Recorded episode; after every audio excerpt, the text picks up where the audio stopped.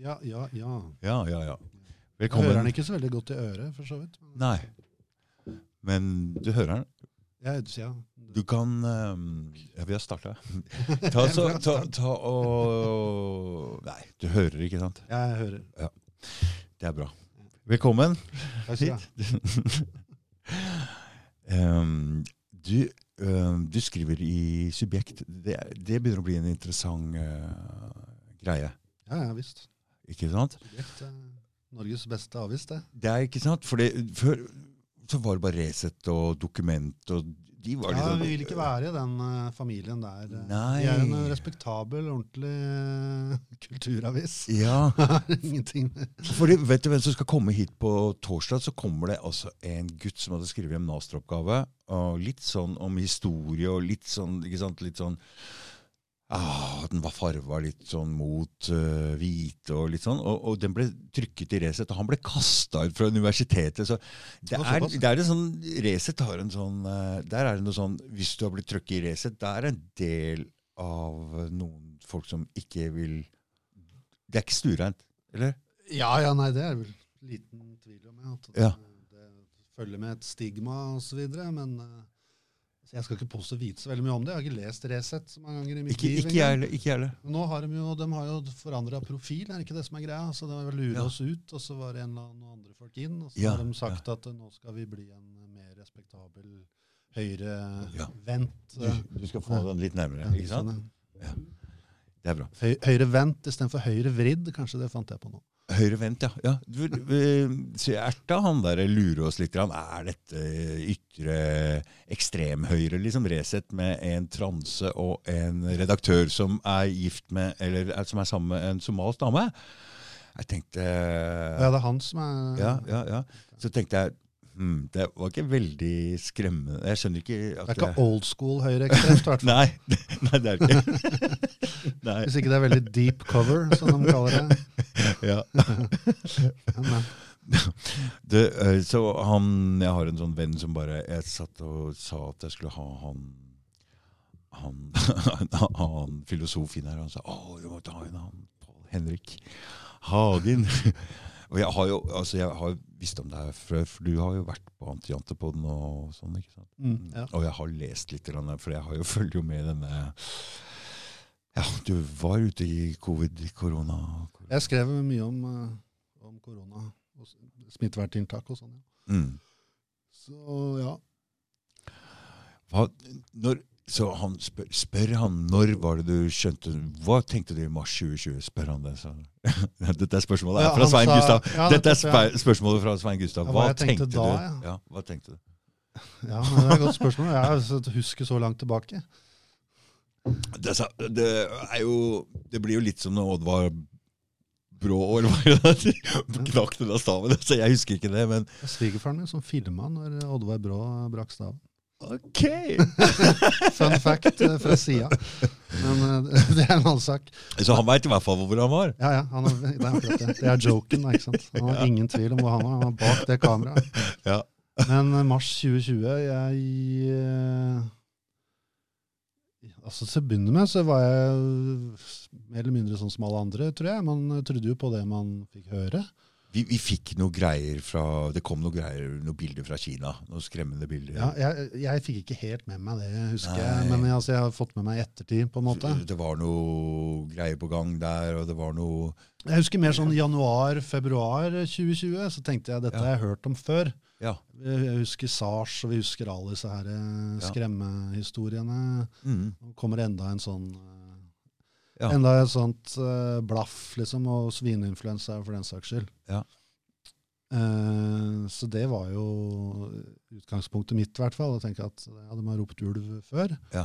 Og dette her jeg, jeg tror ikke noe på det denne gangen heller. Nei. Men man har jo ikke noe, man har ikke noe grunnlag nei, for å mene annet enn altså dette, ja, Vi har hørt om dette før. De, Ja. de friker ut, de får noia, og så, så viser det seg å være ingenting. Men de har jo... Det viste seg å være det enda en gang.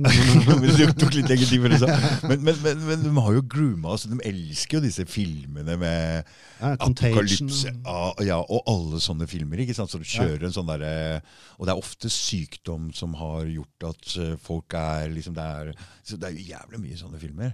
Ja, ja, ja. Ja, og det, det, er en, Og det er en form for grooming, er det ikke? Eller øh, hva kan man si? Det kan du kalle det. Eller i hvert fall så er det noe som ligger i den man skal kalle den kollektive bevisstheten. Ja. Og det, er- jeg tror det er liten tvil om at det spilte inn. Ja. Det er klart at ja, folk har en sånn idé om en, sånt, eh, en sånn eh, biokrise. Hvor det plutselig så renner det inn et uh, ekstremt uh, farlig virus som gjør at vi må gjøre drastiske tiltak osv.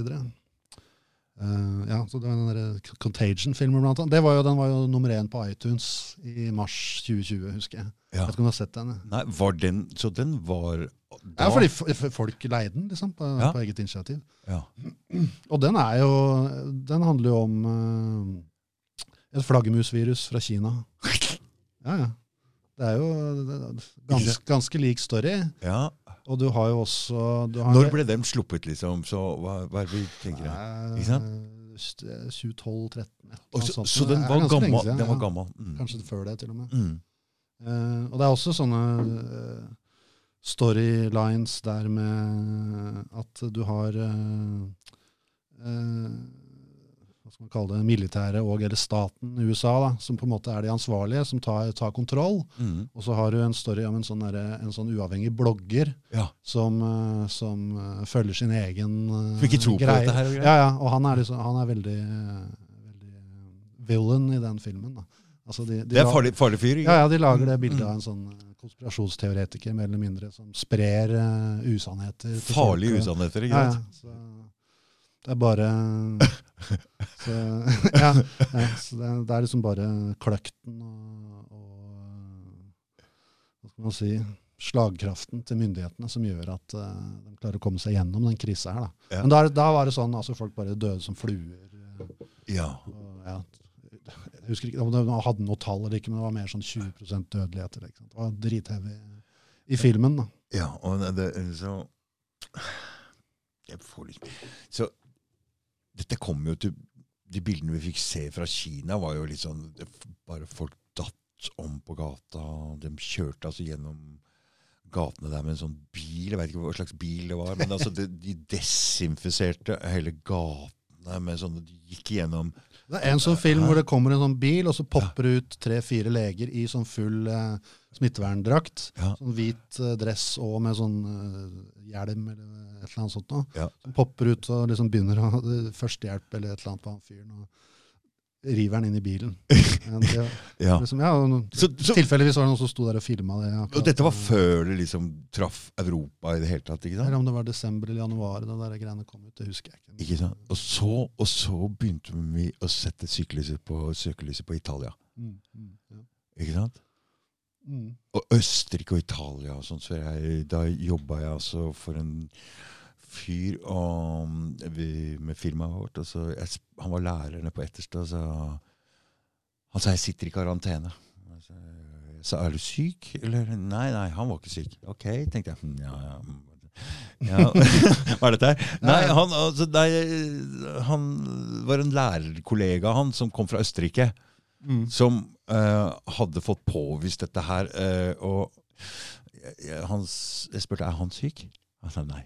Og jeg bare Å, faen er det? Så, det, så, så derfra og lenge før det også, så egentlig jeg Jeg hadde en kompis som hadde vært i Østerrike på den, eh, akkurat i den tida. mm, Så jeg husker jeg var litt uh, skeptisk til å komme på besøk Ja. periode. Ja. For det, det, var, det var det det var mest snakk om her først, var det ikke det? Det var der Østerrike, Østerrike, altså Østerrike. Alpene. Det, var, mm, det hadde vært eh, mm, noe mm. Der after, det. afterski-smitte. der, der var det, da. Der, der var det. Sånn, sånn, Ja. Så, Og så kom eh, ja, Jeg husker ikke kronologien, men eh, om det Italia kom etterpå. Ja, det kom noe Italia. Da kom det full fokus på Italia. Men det som var, er at uh, de hadde jo en sånn avsondra altså Jeg husker jeg fant noen argumenter som pekte andre veien. da. Dette blant annet. Og så hadde jeg sånn Ok, du gjorde et forsøk med to avsondra landsbyer i Italia. Det var et forsøk på Island. Så plutselig Ok, det, virker det er ikke så farlig, men, men det, det, det drukna i, i mediebildet om alle disse Du, du veit når du tar kamera og zoomer inn på et sår, det ser jævla Au! Det er veldig bra bilde. Ja, det er veldig bra bilde, det. Jeg har vel tidligere eller jeg har skrevet eller eh, Jeg har vel sikkert skrevet om akkurat det bildet også, det der med at hvis du plasserer et eh, kamera på intensivavdelinga på sykehuset til enhver tid, Ja. så vil jo det se, og, eh, se helt jævlig ut. Ja. Og utrolig mye ekle bilder som kan sette angst til befolkninga. Mm. Men eh, altså, ja, det handler jo om fokus. Da, ikke sant? Altså, du, du kan eh, gjøre alle oppmerksom på alle sykdommene det går an til å få til enhver tid, Mm. og gi folk noia for det, på en måte. Mm. Eller så kan du skru på Norge Rundt i ny og ne også, Ja. og på en måte breie ut perspektivet. Altså, det er mer ting som skjer enn å bare få pustevansker og, og havne på respirator, på en måte. Mm. Så, og selvfølgelig, spørsmålet fra begynnelsen var jo omfanget. Hvorvidt dette var eh, spesielt ille, eller Mm. om det, det var litt ille. Ja, for jeg var jo en innsamler av argumenter som liksom visste Ja, men nei, Italia har bygd ned helsevesenet sitt i så og så mange år. Det er liksom Bakterieresistens Jeg husker Bakter ikke om jeg ikke sant? Resistente bakterier på sjukehus, ikke sant. Og altså, For min egen del, personlig, eller hvis vi skal snakke om hvordan det opplevdes mens det skjedde, mm. så var ikke jeg altså jeg var ikke spesielt engasjert i begynnelsen. Nei. Eh, så jeg kan ikke jeg, Ikke annet enn at jeg bare ha, har en innebygd skepsis til eh, det offisielle budskap, som regel. Mm. Bare altså, sunn fornuft, spør du meg. Mm. Sånn at jeg, jeg, jeg kjøpte ikke hele storyen fra begynnelsen av, men eh, man, man var jo nødt til å lure. Altså, er dette et så ille virus? Så, så man, tar jo, man var jo forsiktig i begynnelsen. og bare... Men jeg, jeg var mer å å legge merke til stemninga i befolkninga, kan du si, da, og i byen, i Drammen, da, hvor jeg bor. Mm. Hvordan det, når de satt inn den første nedstengingen, hvordan det bare, det var bare stille ute. Det er creepy. Ja, jeg husker jeg tenkte det hadde ikke vært sånn stemning i byen siden eh, 22. juli 2011. Mm. Ja, så det, det, var, altså, ja, det var sånn der, eh, tungt alvor som la seg over eh, hele samfunnet. For du ser den banen der nede, ikke sant? Fotballbanen. Det er fotballbanen. Så jeg hadde en, jeg har vært sammen med en dame som lider litt sånn av søvn, van, van, vanskelig for å sove og sånne ting. Mm. Når det var barn der nede, og hun skjønte at hun åpna vinduet og hørte på de, hun kunne så plutselig se, Å, der var lyden av lykke! Ja, ja. Åh, så hun likte det. Da var det en god lyd å sove til. Mhm. Den lyden var helt borte. ja, ja. Den lyden fantes ikke i hele verden. Mm. Det var ikke lov å le, det var ikke lov å danse, det var ikke lov med idrett, det var ikke lov med noe. Det var jævlig rart, hæ? Ja, ja, ja. ja, nei, det var jo helt, uh, helt sprøtt. Uh, hva skal jeg si uh, det, Noe av det første jeg tenkte når de satte i gang Når de satte i gang nedstenginga Jeg tenkte sånn økonomisk først. Bare, hvordan i helvete skal, eh, skal samfunnet tåle det her eh, økonomisk? Og bare stenge ned Stenge ned bedrifter og alt mulig rart. Altså, Jeg er ikke noe økonom. Nei. Eh, så jeg bare tenkte på, på sånn her common sense-nivå. Går det an i det hele tatt? Altså, og hvor lenge kan det gå an? Men det viste seg at det gikk jo for så vidt greit, da. Men ja. jeg, jeg, jeg husker bare altså, disse tankene som fløy gjennom huet. Og ja, litt i den sammenheng jeg tror det er veldig lett for folk å glemme liksom sånn vi snakker nå, hvordan vi opplevde det mens det skjedde. Mm. Det er jævlig lett å glemme hvor ekstremt det var. Altså hvor, eh, hvor uh, annerledes og nytt og liksom eh, unprecedented, som det heter på engelsk, uh, hele situasjonen var. Mm. Altså Høsten 2020, da begynte, da, da begynte vi å venne oss til nedstenging. ikke sant? Og nedstenging ble et begrep, lockdown ble et begrep osv. Mm. Men altså mars 2020 så var det dramatisk. Stenge butikker? Hæ? Hva, hva? Og så var det Jeg var jo altså hun, jeg var sammen med hun jobber på Strømmen storsenter, og noen av butikkene der var oppe. Det var så space å gå der inne. Det var ingen folk. Altså Det var akkurat som i en sånn Det var akkurat som en sånn film, en sånn derre after uh, Ja, post, post, Ja, det var det. Det var, helt, det var ingenting. Nei, Det var altså ikke det- folk, det var ingenting. Det var helt mørkt. Det var helt Det eneste som var, var jo å gå tur. Det var jo det folk hadde lov til. Så jeg, husker Ja. vi, jeg husker vi var ute og gikk tur, eh, jeg og dama. Og liksom Jeg så folk komme traskende. Det var ikke mange av dem heller. Liksom. Til og med ikke biler engang. Liksom. Det var bare sånn, en bil i distansen. og så, Hvor ja, så gikk forbi folk på, på, på fortauet liksom, med passe avstand. Og, ja, nei, det var jo ja, altså, det, Dette husker jeg. At jeg, jeg har jo jeg har alltid tenkt at med de kameratene mine, de gærne kameratene mine, de kriminelle gærninga her, så tenkte jeg hvis det blir alvor noen gang, da Hvis det blir sånn postakapolypse eller krig, eller hva, så det er ikke noe problem for oss. Har, du- har, ja. har du lager? Har du altså, hei, hvorfor har ikke jeg skrudd av telefonen min, egentlig? Er den der, eller? Nei. Nei, den ligger oppe.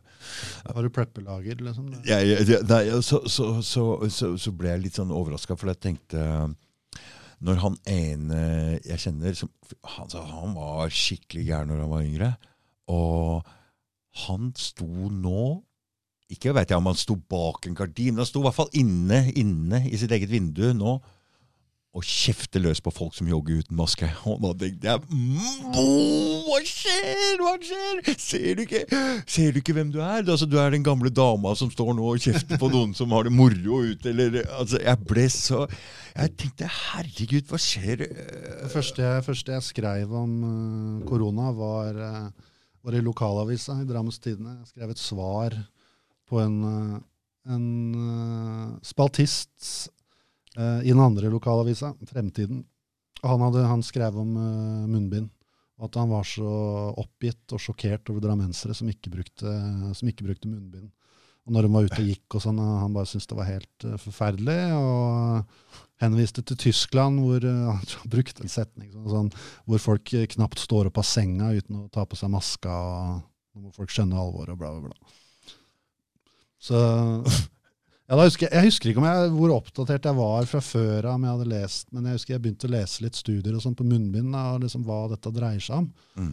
Og skjønte jo fort at, for, for det første det der med at uh, uh, fra begynnelsen så var det jo for å ikke smitte andre. Ikke for å bli, ikke bli smitta sjøl, ikke sant. Det, det var for å ikke Hele, hele tida den Ja, det var liksom det første punktet. Men så også det, altså, hvis du hadde to meters avstand, så spilte det ingen rolle uansett. Så det var, det var bare sånn innlegg fra en sånn jævla eh, overformyndertype.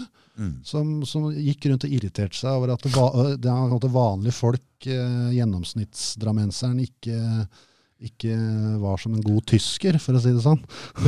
Men ikke sant, så Jeg veit ikke hva med disse avisene, men de får vel en del sånne innlegg hver dag av folk som er ofte irriterte. da. Det er jo hvorfor, det er Han skriver jo ikke for noen annen grunn. Er det bare derfor?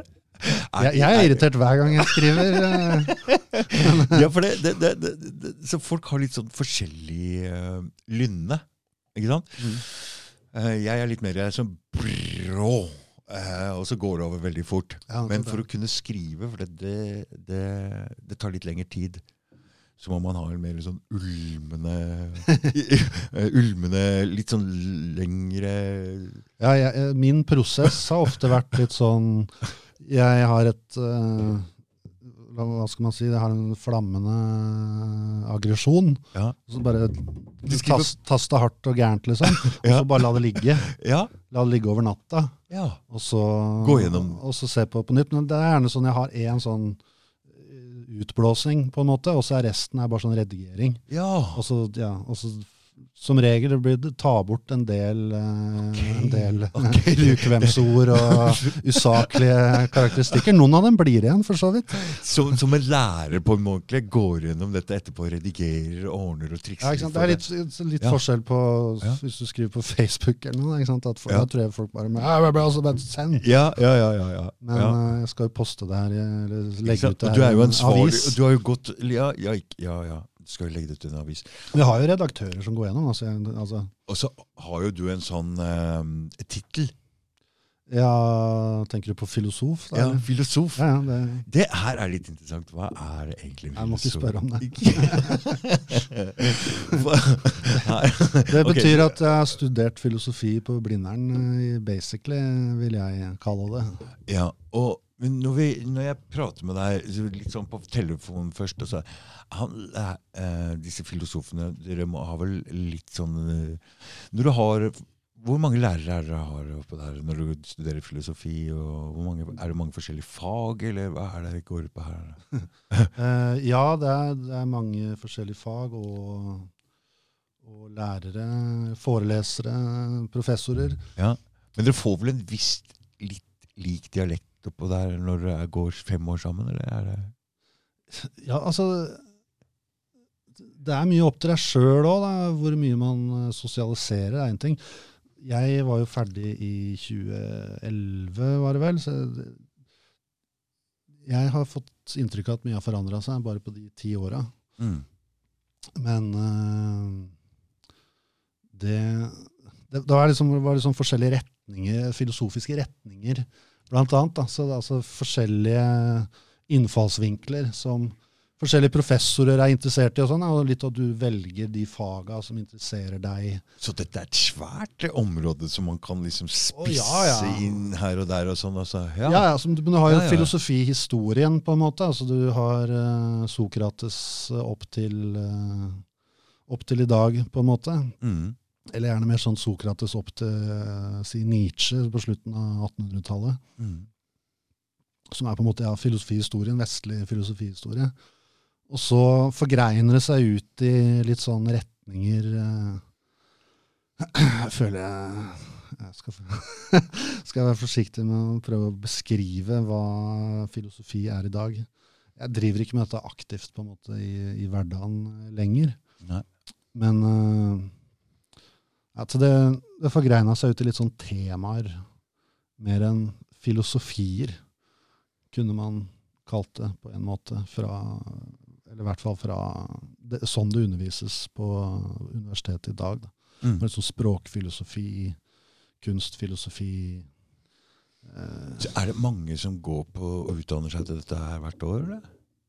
Det veit jeg faktisk ikke. Det er jo en liten gjeng. Det er en liten gjeng. Nerds.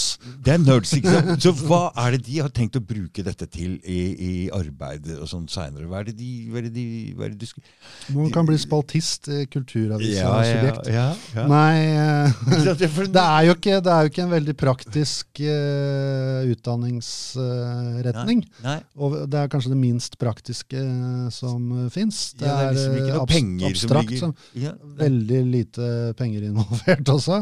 Men uh, altså, i realiteten, det du Folk kan bli lærere, f.eks. Altså, du kan bli historie- og filosofilærer på videregående, hvis det fortsatt er et fag. Mm. Eh, noen jobber i kommunikasjonsbransjen. Altså, jeg pleide å kalle det en, eh, en lese- og skriveutdanning. Jeg har et papir som sier at jeg kan lese og skrive. Mm. Mm. Men, altså, og på en måte tenke abstrakt, eh, analysere argumenter, eh, den type ting. Da. Ja. Eh, så, så det er jo en Det er på en måte en alt og ingenting-utdannelse. Mm. Og litt eh, humoristisk, så har jeg likt å dra det fram. F.eks. For i forbindelse med covid så var det veldig mye snakk om at man skal høre på ekspertene. Ja. At hvis du ikke var ekspert, så skulle du egentlig helst holde kjeft. Ja. Men en filosof kan ikke, skal ikke Nei, altså Filosofi er jo det grunnleggende faget for alle vitenskaper. Ja, Det er jo der eh, alt kommer fra. Så jeg er jo egentlig ekspert på alt. ikke sant? Så jeg kan uttale meg om alt. Klart, ja, men det, ja, Noe tyngde må du jo få etter å ha gått fem år der, så det skjønner jeg. En filosof det er en som sitter og tenker hjemme og prøver å rettlede folk, så Hæ? Ja, ja, nei, altså, og dette her med tyngde, det er jo litt avhengig av hvem man snakker med, på en måte. Så det er Det å ha mastergrad, det er på en måte Det blir mindre og mindre gjevt, for så vidt, for det blir jo vanna ut, for det er så mange som tar det etter hvert. Mm. Men eh, det skal jo være noe tyngde i å ha femårig utdannelse fra universitetet. Mm. Eh, Men eh, Jeg tenker liksom sånn Ok, så jeg ser liksom nå um, folk strekker seg mot ting ikke sant, i livet. Og liksom du skal følge din Følg det hvor du Der hvor du Ja. får noe energi mot. Følg, jeg det, i, det. Ikke sant? Følg det i livet ditt. Og så er det sånne feller. ikke sant? som jeg ser at penger er på en måte en sånn der greie Det er en, egentlig en sånn falsk eh, greie du kan gå mot. En sånn falsk energi. Akkurat som rusmidler også. Jeg ser det er det samme. Så du tenker på rusmidler ja, Det er liksom, For det gir en sånn eh, I hvert fall sånne rusmidler som jeg ville ta. da Som er litt sånn oppadgående rusmidler. Som er, gir en, Uppers. Uppers, ja. som gir en sånn greie. Og, men det samme er penger. Penger er egentlig en eh, falsk eh, sånn eh, Hva skal jeg si Falsk energi å følge. Jeg syns jeg, da. Så jeg mener selvfølgelig at du gjorde det riktige her. Du, du følger noe som Du får en bra greie som du har lyst til å gjøre, og følger det. Ja. Nei, altså det, det var jo det jeg følte, for så vidt. Det er jo det man blir fortalt, egentlig. Ja. At, eh, Det er det man skal. Jeg husker det var en sånn litt sånn floskel man fikk fra videregående, at jeg bare følg Men jeg er ikke helt jeg, jeg føler ikke at det er ikke noe godt råd, egentlig, til ungdom. Altså følg din hjertes lyst, på en måte. Du bør også tenke praktisk. Tenk, Ja. Ja. Jeg mener jo egentlig at uh, universitetet burde ikke være så åpent og demokratisk som det det har blitt. Det burde, burde siles mye, mye sterkere. Altså, det, det er veldig mange folk som har ingenting på universitetet å gjøre i det hele tatt. Mm. Fordi, fordi universitetsutdannelse har blitt en sånn Ja, sånn, som du litt snakker om, en sånn, en sånn kred-greie. Eller eh, det egentlig bare en sånn papir du skal ha uh, for å få viss type jobber. I det offentlige, f.eks. Husker Nav, blant annet, de har jo bare sånn generelt krav om mastergrad Ja. for å jobbe som eh, veileder. da. Ikke hva slags mastergrad, bare sånn Ja. en eller annen mastergrad. Mastergrad er det er det fem, det er fem, Det er fem fem, år, år. ja. Fem år. Mm. Ja. Bachelor er tre, og master er fem. Og så Ja, ja, ja. doktor det er vel sju-åtte år til sammen. ja. Men eh, ja, så det, du, du får et sånt uh, system som baserer seg i bare sånn reine papir uh, papirkvalifikasjoner, da. Hmm. Som egentlig ikke går så veldig mye på hva du faktisk kan. Og hvor- brennende interessert du er i det faget du, du har utdanna deg. Og, eh, Men Nav er jo der for å hjelpe folk. Da må du være interessert i folk, La da. oss ikke snakke om, Hæ? la oss ikke snakke om Nav. Nei, men, da, Men eh, ja, du, Ja, ja. Nei, altså det, altså det er absurd uh, at du skal kreve en uh, mastergrad for, å, for å være veileder uh, på Nav. Altså, jeg vet ikke om de gjør det fast, men uh, jeg husker det, jeg så det kriteriet. Mm. Uh, så nei, det burde være mye mer åpen, åpent for at folk kan finne sin vei underveis, så at du ikke skal behøve en sånn hel haug med bokutdannelse for å gjøre eh, forskjellige jobber i, i samfunnet. Mm.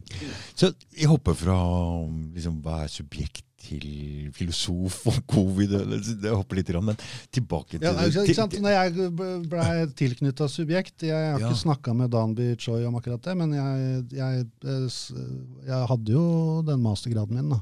Ja, Så jeg tror jo at det, det spiller jo en rolle. Ja. Det, det gir jo ikke? Det du sier, en, eh, kanskje en ekstra tyngde Det gjør det. enn hvis du er eh, en eller annen fra ut av, ut av det blå. Men eh, ja. Du, nå skal du høre her at jeg har jo drevet så under hele koronagreiene her, med en gang det kom en eller annen med en eller annen tittel, og så var på vårt lag, så bare Oh, yes! Ja. oh, endelig! Nei, det, det, det har noe å si, bare sånn i den offentlige Ja, samtalen. Ja, ja, ja. ja. Jeg var også sånn. ja, ja. Ja. Å, han er lege! Wow! Oh, endelig! Han må komme hit! Ja, ja, ja. Han må komme hit og snakke om det. Så, ja, det var jo et par-tre sånne leger, husker jeg, underveis. ja, ja, ja. Ja, ja. De har jo vært her sikkert. Det var en eller annen i Bergen, tror jeg. Halvor Halvor Nessa. Ja, ja, du vet. Ja, han har vært her, ja. Ja, han har vært her. Ja, ja, ja. Akkurat, ja, ja. Mette Kallager var her, og, Ja, og han andre som ble sparka. Og... Jeg husker han Halvor hadde sånn profilbilde. Han, han så litt sånn eh, så litt sketsj ut. Litt sånn halvgæren, tenkte jeg. Halvornes? Ja. Du, han var veldig Han er veldig Ja, helt, han hadde jo eh, credentials eh, Ikke sant? Som bare det, han. Så spør, Han spurte egentlig hva, hva, hva slags reaksjoner fikk du, fikk du, sånn, men han sa bare folk ble bare litt sånn av, holdt bare litt avstand. Men han aldri fikk noe kjeft eller sånne ting. Ble kalt inn på teppet der fordi han brukte Haukeland sykehus som øh, At han jobber på Haukeland sykehus og, og uttalte et eller annet i, i avisene. Mm. Sånn, Bare ta bort det, så kan du si hva du vil, egentlig. Bare ikke ikke blande inn navnet vårt. Ja, ja, akkurat. Mm. Men han, had, han var jo overlege eh, på intensiv, eller han hadde en jævla sant, relevant Du, eh, han hadde vært den gangen det var en sånn stor Skal vi si pandemi? Eller epidemi? ja, ja. Influensa og Ja, stemmer, ja. sjokkgreie i Bergen. Så var han eh, overlege på den intensivavdelingen der. Mm. Så han så jo hva som skjedde. akkurat. Det var jo voldsomme greier. De måtte jo virkelig ta tak og flytte ting her og der. Og, så han hadde, han hadde relevant erfaring. Ja, med Ja, ja, utvilsomt. Ja. Mm. Eh, ja, hva var poenget her? ja, folk, folk med, folk Ja, med lege- papir. Ja, folk med papir. Folk med Ja. papir. Mm. Men det er klart, i denne sammenhengen så var jo altså medisinere Gull verdt. Mm. Ja, altså Og mine oppfatninger om korona stammer jo selvfølgelig fra det. Ja, Det ja. stammer jo fra studier jeg leste, og fra oppfatningene til eksperter. Mm. Så det er jo selvfølgelig ikke det at man ikke tror på ekspertene. Mm. som var det det utrolig idiotiske uttrykket som ble stadig igjen, at du skal tro på vitenskapen og Ja, tro på ekspertene. Men du skal ikke tro på vitenskapen. Du skal forstå vitenskapen. Mm. Du skal, du skal prøve å skjønne hva som står der. Tro er religionens eh, domene. Ja. Så der kan du sette deg ned på kne og lukke øya og på en måte Eller tro? Ja, og ta Ja. imot det. Mm. Men eh, det er jo Der har det jo oppstått et merkelig fenomen i samfunnet, rett og slett, med det her med å ja, med å til, tilkjennegi sin tro til eh, Fordi det eh, offisielle budskapet. Som, Det der, Jeg så et sånt derre Noen som kalte det der for en slags tro, en slags religion. Den eh, covid-greiene. Blei det det, eller? Syns du det? det har hvert fall veldig... var i hvert fall fanatisme der. Ja, ja. det Mange religiøse uh, karaktertrekk. Kjennetegn, Ja. kan man i alle fall si. Ja. Og det gjelder jo flere av disse Ekstremisme, fanatisme og Hæ? Ja, ja. Altså, og hva skal man si st st- Strukturen eh, i det hele. Altså litt sånn eh, syndere og, og helgener og Ja. uh, Ja.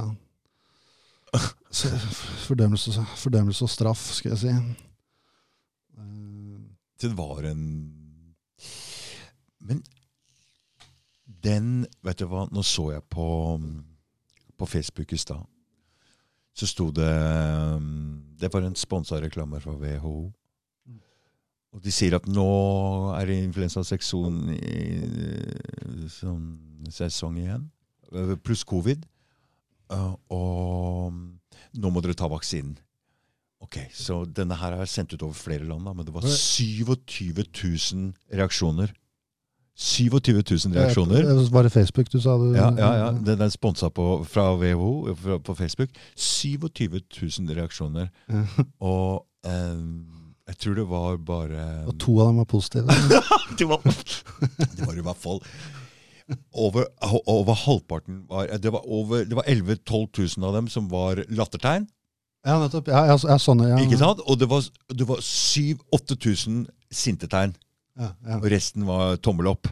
ja, ja. Så det er altså Det er uh, to tredjedeler uh, er, er fuck you på den vaksinen.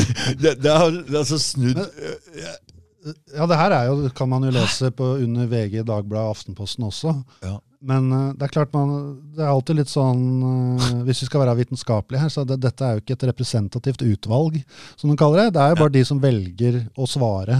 ja. Så, men ja. det, det er jo en indikasjon på i hvert fall hvor engasjementet ligger. ja. Nei, det er ikke en indikasjon. Det, er- det, det tror jeg ikke. For det, det er jeg får den sikkert slengt i trynet, for jeg har sikkert trykka på noen sånne greier før.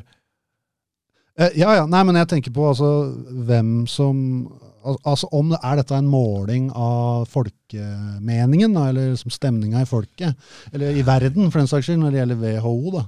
Når det er 27 000 og, og 80% av dem er negative. Betyr det at verden, 80% av verden er negative? Det, det kanskje, tror kanskje, jeg, kanskje det ikke. Tror jeg ikke. Det Men- jeg kanskje ikke. Nei, så det, det veit man ikke helt. Men det, det er sånn, det, det, det tyder jo på et eller annet. Og én ting jeg tenker man kan hente ut av det, er at det, det blir jo færre og færre eh, hva skal man si, vanlige folk som, er, som, som står veldig Som brenner for smittevern. ja, Som brenner for vaksinen. ja, og som, ja. som, som, identifiserer seg sterkt med uh, Ja, kall det det, det narrativet, da. Det, der tror jeg det har blitt vanna ut eh, ganske betraktelig. Eller jeg håper det, i hvert fall. Man får nå bare se hvis det kommer en ny eh, bølge med propaganda. Men Fordi, eh, fordi det er viktig å se forskjell på en ny bølge med propaganda. For det, det er flere nå som er innlagt noen gang. Og det er flere død som, som dør av korona. Ja, jeg har ikke sett på tallene nå de siste altså, månedene, men jeg skrev jo om det her i, i april-mars. Så skrev jeg Overskriften var eh, 'Pandemien er over, lenge leve pandemien'. Ja, Eller 'Pandemien er død, lenge leve pandemien'. Fordi da var jo tiltaket avslutta i februar. Mm. Og en måned etterpå, halvannen måned etterpå, så var det jo flere dødsfall eh, enn på lenge, med mer smitte. Alt var verre, men ingen la merke til det fordi, fordi vi hadde bare slutta å ha smitteverntiltak. De- De hadde, de hadde lagt ned storyen. Narrativet var borte. Lagt- Lagt ned storyen. Ja, og, ja. Så hva er det vi egentlig er Hva er det vi egentlig er vitne til her, um, egentlig? Når vi ser hva media og disse folka driver med. Hva er det når vi ser det litt sånn For, for en filosof han setter seg jo litt sånn tilbake og, og ser litt på dette her. Hva er dette her for noe? Hæ? Og hva er dette her for noe?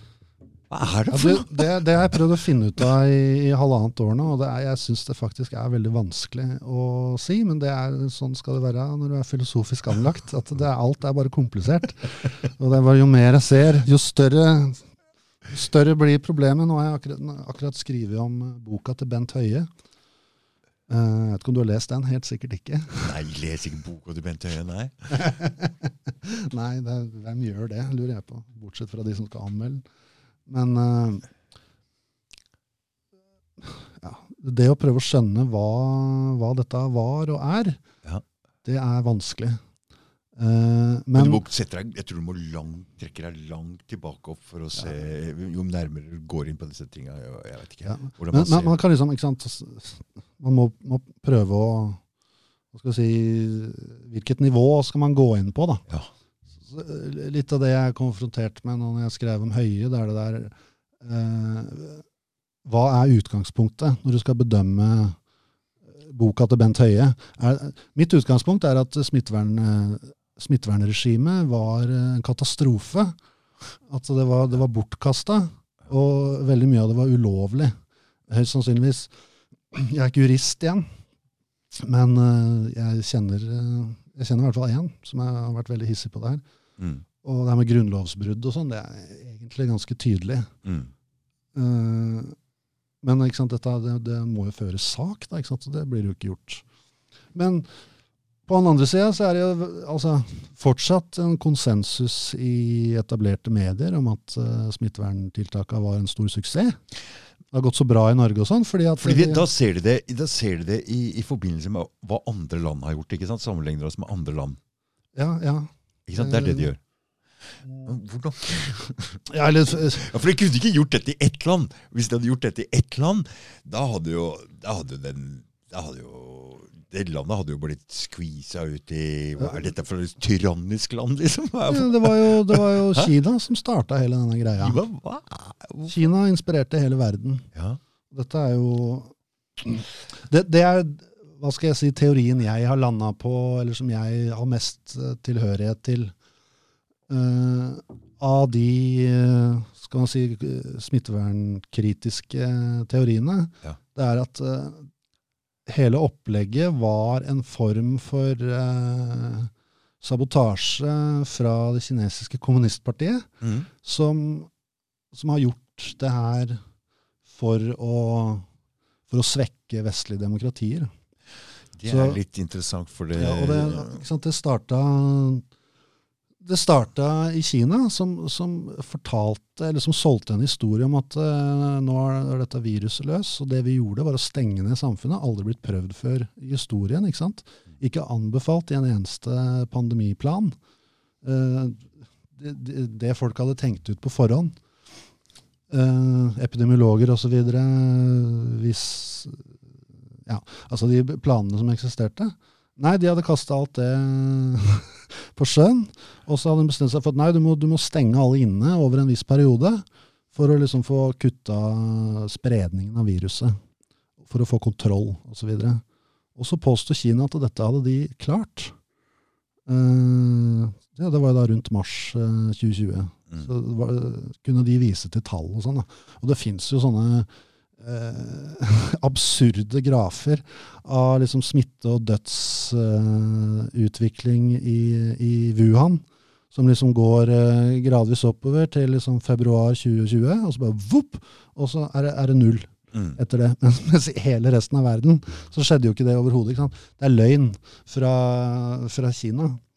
Eh, men de klarte å selge inn det her, spesielt i Italia, som, eh, som det også har kommet fram hadde en, en egen sånn eh, samarbeidsavtale med Kina, bl.a. om sånn krisehåndtering og sånn. Eh, litt lang historie, men eh, de fikk nå i hvert fall eh, solgt inn det her at eh, lockdown var veien å gå. Så det ble, det ble innført i Italia, i Lombardia-regionen der. Eh, og etter det så var det litt sånn Da så eh, vestlige myndigheter at dette ble godtatt. For en av de fremste, hva skal man si, argumentene mot var jo at eh, vestlige, demokrat, eh, vestlige demokratier, innbyggerne, ville jo ikke akseptere det. Dette er- det- Spesielt ikke Italia. De er jo ganske altså, Ja? Ja, det er mulig, det. Men eh, ja, altså dette, er, dette er sånne ting som Kina driver med. ikke sant? Det er, det er en totalitær, autoritær måte å håndtere en, en pandemi på. Mm. Eh, men så bare så, så de at i Italia så, så blei det akseptert. Og da blei det etablert en presedens, et grunnlag, som sa at dette kan vi gjøre eh, i alle land. Og, og så, jeg husker ikke hvor mange ukene det tok, ja, det var vel to uker etterpå, så, så skjedde det jo i hele Europa samtidig, og så i hele verden. Ok, så hun Cecilie Hellestveit var innom her, og hun nevnte noe om at dette Hun sa til meg ok, så det der med biologiske våpen og sånn, det er jo noe de har, driver, og, driver og forsker litt på og sånn. Så hun sa Det var sånne labber i Ukraina, ja, ja, ja, litt sånne labber her og der, og det driver liksom hva, Hvordan kan vi bruke det som et våpen? Og hun sa, så sa hun til meg Et virus som er veldig farlig mm, Hvilket virus er det som eh, er mest effektivt? Er det et virus som sprer seg og ikke er så farlig, eller er det et virus som er veldig farlig? Og da, Jeg jeg var ikke peiling, men hun sa det en, dette her har det jo egentlig etterretning de har tenkt på lenge. Hvis du sprer et virus som er veldig smittsomt, men ikke så farlig, så vil alle regjeringene gå inn og lage tiltak som gjør at eh, befolkningen mister tilliten til eh, alle regjeringene. Ok, Så de visste om det på forhånd? Jeg bare, jeg bare, ja, men Hvorfor gikk de i den fella da? Hvis Kina lurte dem inn i den greia, og de, alle visste om at det var sånn For det, det er jo det som har skjedd. Akkurat det perspektivet har ikke jeg hørt. eh, men, Nei, eh, men hun sa jeg er veldig slu, bare spør meg hvis du skal ha en sånn ond, ond plan. ja, ja, nei, ja. Vi skal ha en sånn ond, eh, det er derfor alle onde sånne stater kontakter hun Cecilie for å få noen sånne onde Skikkelig slue Jeg har bare lest hun i forbindelse med Ukraina. og sånn, Der har hun vært en moderat stemme. Ja. Men men én ting som jeg lærte underveis, det er jo en sånn virologisk eh, faktum. Og det der med at eh, et, eh, et jævlig dødelig virus eh, sprer seg jo ikke så veldig bra, for det dreper bærerne. Ja, Så Ebola for eksempel, er jo av den eh, karakteren at eh, folk blir så sjukt eh, sjuke Ja. at det har ikke, får ikke anledning til å, til å spre seg. Et, et, et effektivt virus er jo et forkjølelsesvirus, Mm. som ikke gjør deg så veldig sjuk, sånn at du egentlig lever livet som vanlig. Og dermed så bærer du viruset med deg rundt i, i samfunnet og gir det optimale forhold for å spre seg og formere seg. Du, eh, du Kan filosofer spørre Kan jeg spørre deg, hva er det som er gærent med meg og du, Pål Henrik? For nå Er du psykolog? ja, men Jeg tror du må være litt sånn filosofisk anlagt òg, for det er et eller annet som skjer. For det er eh, Få høre nå. Så når folk blir så opptatt av at det er viruset og virus og virus, og til, og til slutt så jeg slutter å tro på viruset. Ja, ja, ja. ja. Ikke sant? Jeg går en helt andre Nei, nei virus, den eh, døde tingen der liksom skal liksom hoppe inn i en celle og bore seg Det er bare Nei, nei, nei. nei. Den, den tror jeg ikke noe på. Og så, så ok, så, så da kommer det sånn skikkelig propaganda her. Nå må vi ta vitaminene våre! Alle vitaminene. Og jeg har masse vitaminer oppe ei hylle der. Og så tenker jeg du, Dag Thomas, nå har du ikke spist vitaminer på to måneder. Hva er det du driver med nå? Da slutter jeg å spise vitaminer når andre driver og maser om det. Så er det et eller annet alvorlig sånn motsatt syndrom som foregår hos meg. Ja, du, er, du er tydelig litt kontrær. Trassen. Det er jeg også. Det, Er det en, eh, er det en eh, Hva er det der for noe? Hæ? eh, Det må jo være et eller annet. Og så hadde jeg han derre okay, ok, så, så var det en som driver med sånn tapping. Uh, ja, det er sånn, Du skal liksom tappe her for å forandre noe hos deg sjøl. Ja. Men han sa at det, det går jo ikke med deg, for du er sånn motsatt. Så da må du drive og Så det er sånn eh, motsatt polarisert motsatt. ja, okay, Ja, ja. jeg. Ja, men jeg tror kanskje jeg skal være sånn. sånn det er lagd sånn. Det er jo for det er mange varianter av den uh, holdninga, kan man si. Det er jo det er også litt sånn her hipsterholdning, vet du. Det å bare alltid være mot det som alle andre er for. Og litt sånn, eller sånn eh, Ja. og, og, Men nå har det jo blitt sånn litt mer eh, Men nå sitter jeg hjelpeløst i den fella. da. Det er ikke noe jeg lenger kan eh, kontrollere eller velge, for det er plutselig bare tatt på Fått de brillene, de øynene. ja, Nei, altså det er mange tråder man kan, eh, kan trekke ut av det der. der. Eh,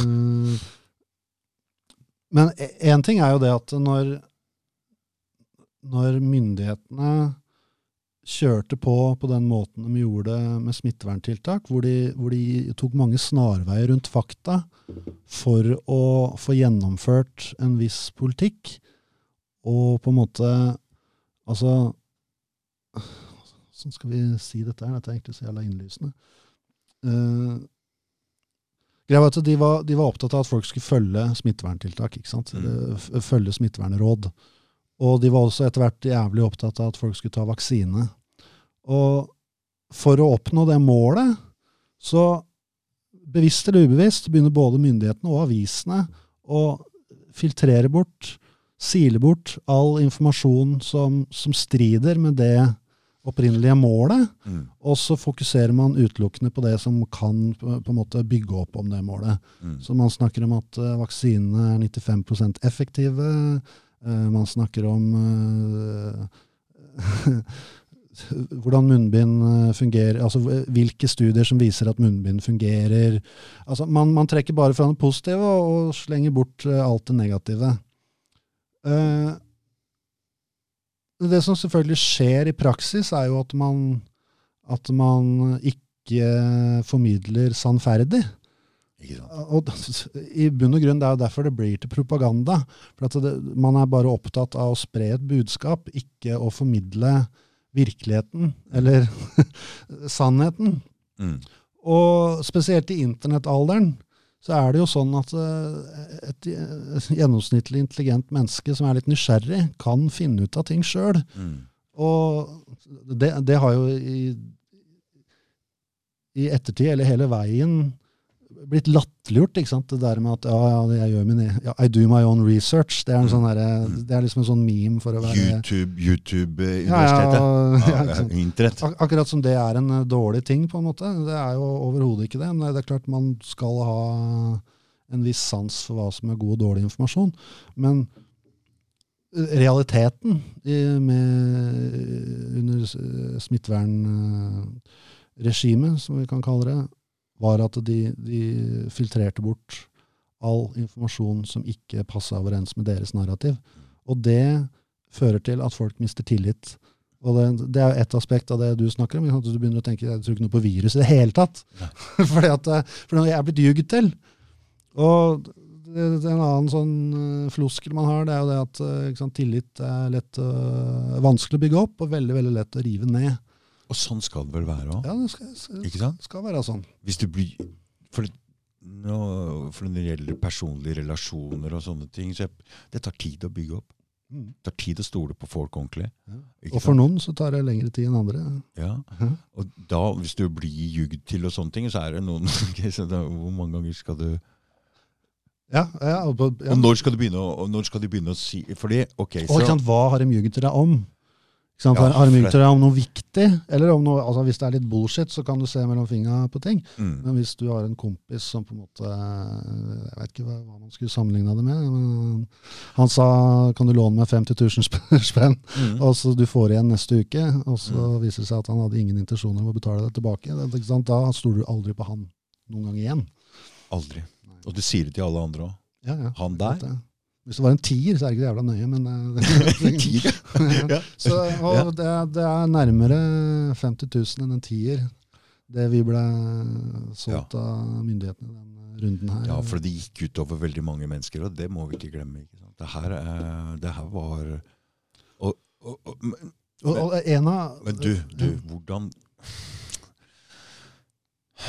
Så Den covid-greia som bare glir over og rett inn i Altså, jeg er av den oppfatningen av at Nato Da går vi over til den krigen, ikke sant? Som plutselig Vi bare hopper over til den krigen.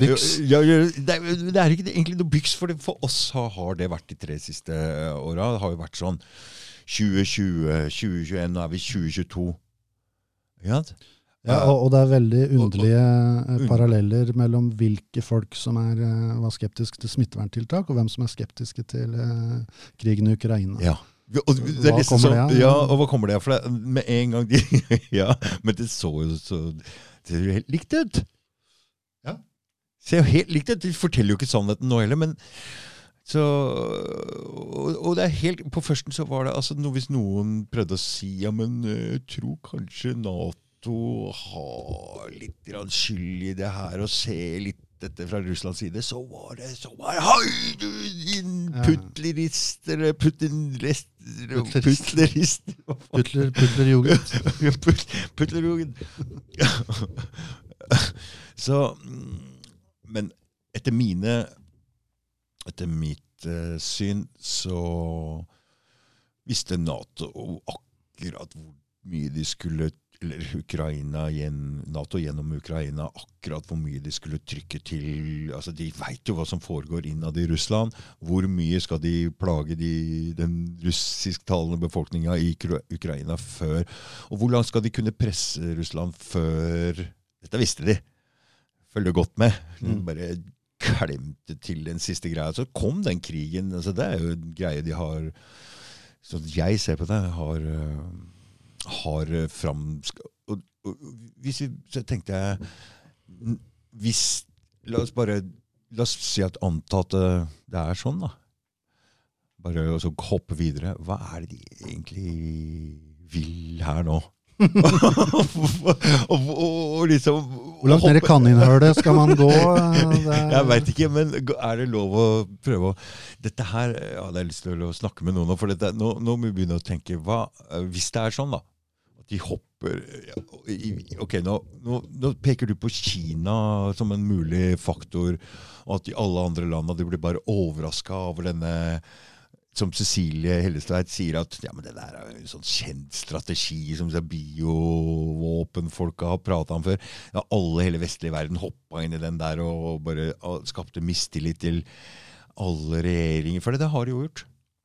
Altså alle, stoler, I i alle land så er det større mistillit til regjeringer.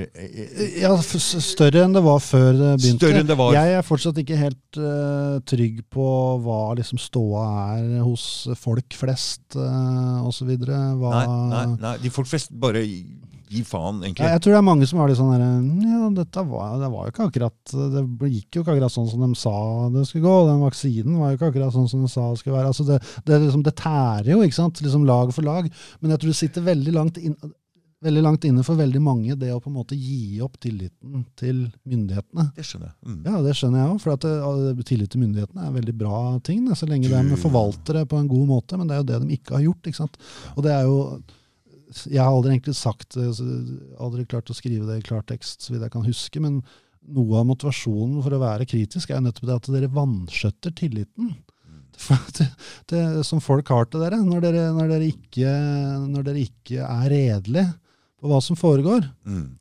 Og, altså nå er jo ting skjært helt fullstendig ut. Nå skal de jo, skal de jo bare sensurere alle som er kritiske. Og liksom, hvis, du, hvis du er myndighetskritisk i det hele tatt, så er du både antistatlig og konspirasjonsteoretiker. og det, det, det, det går i en retning der som overhodet ikke er positivt.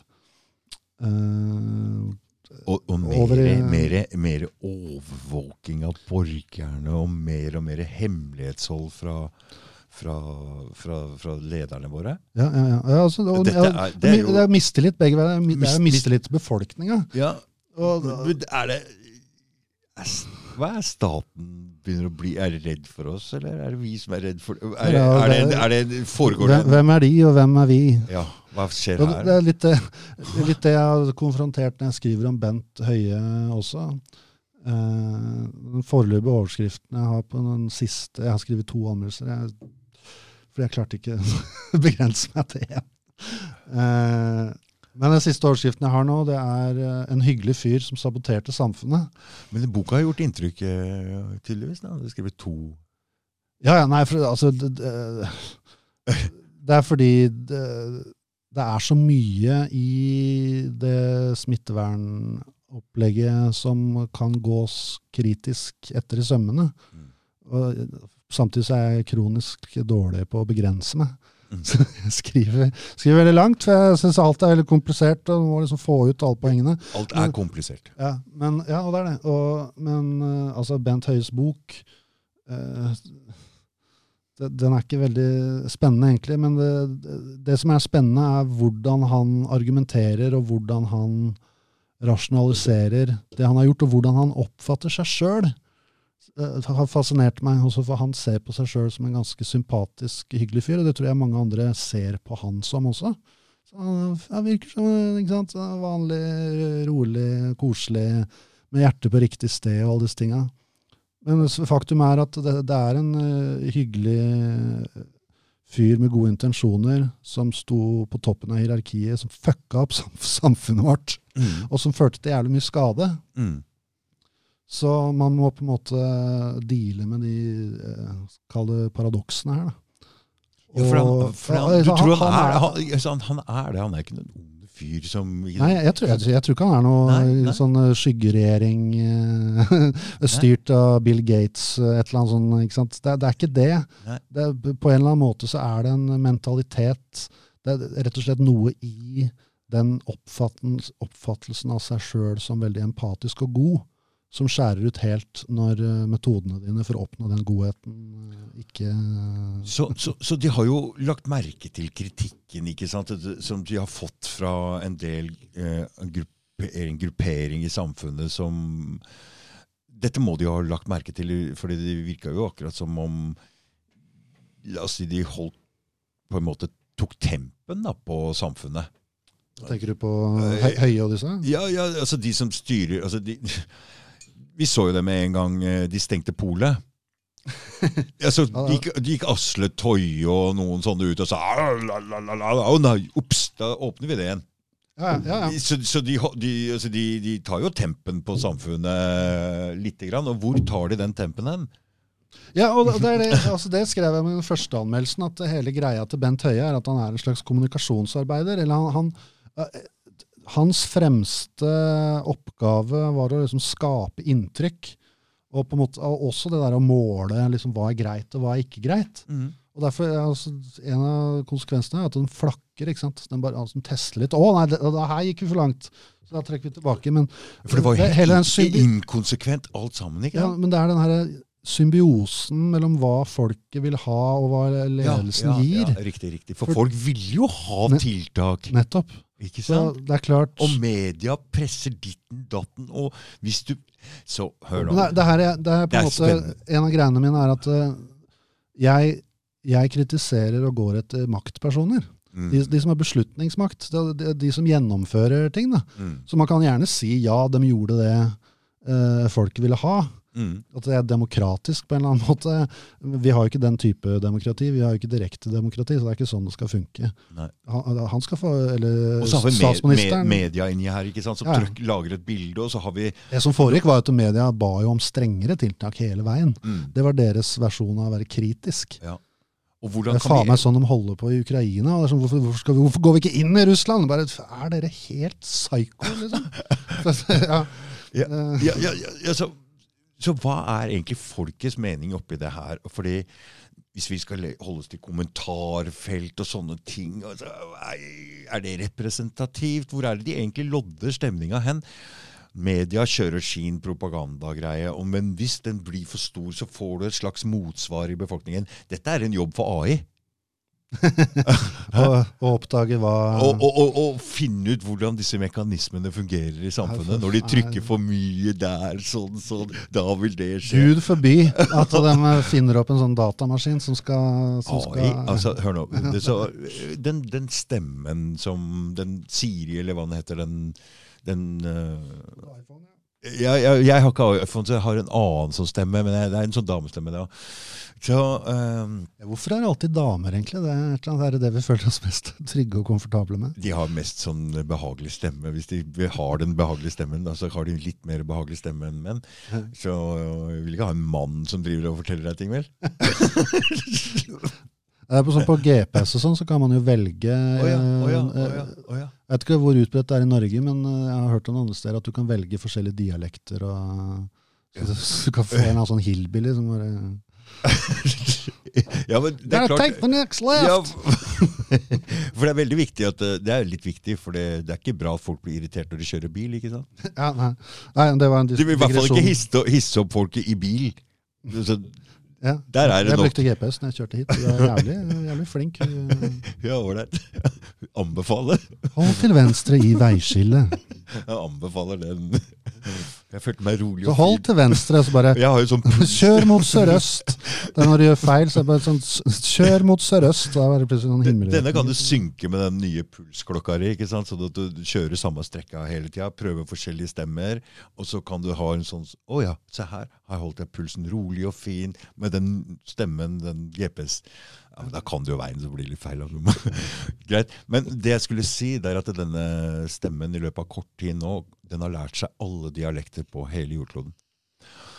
Oi, for det eh, Den eh, dialekta mi, altså svensker Hvis jeg prater fort med sånn Oslo-dialekt, så er svensker de bare står sånn og ser litt rart på deg. Så, Hæ? Jeg forstår, hva mener du? Så de skjønner ikke. Men den, den, den, den stemmen som er på telefonen, den kan Den forstår hva jeg sier nå. Det betyr Ok, så den kan alle dialekter rundt omkring på hele jordkloden, da? Ja, da, hvordan har lært seg det? Det må jo være noe AI, lære og, lære og feil, lære og, lære og feil. Sikkert. Det der, der er ikke mitt eh, bord, eh, egentlig, hvordan eh, dataprogrammer fungerer. Jeg Men noe læring, jeg altså en datamaskin som lærer seg noe, det er jo en selvlærende ting. Ja, ja. ja, nei, ja, Så noe må den ha klart å oppnå her. for at eh, jeg, jeg, mitt, mitt, sånn, sånn generelle eh, hva skal jeg si, innfallsvinkel på eh, AI og den pakka er at jeg føler at det er veldig overvurdert. Og de mest eh, fanatiske datafolka tror at det skal bli en egen bevissthet. jeg tror de overvurderer eh, potensialet til, eh, til datamaskinene. De, de, de, de er flinke til å lære seg kalk kalkuleringer. Ja, ikke sant? Men ikke sant, du kan jo ikke ta dem med på en øl etterpå.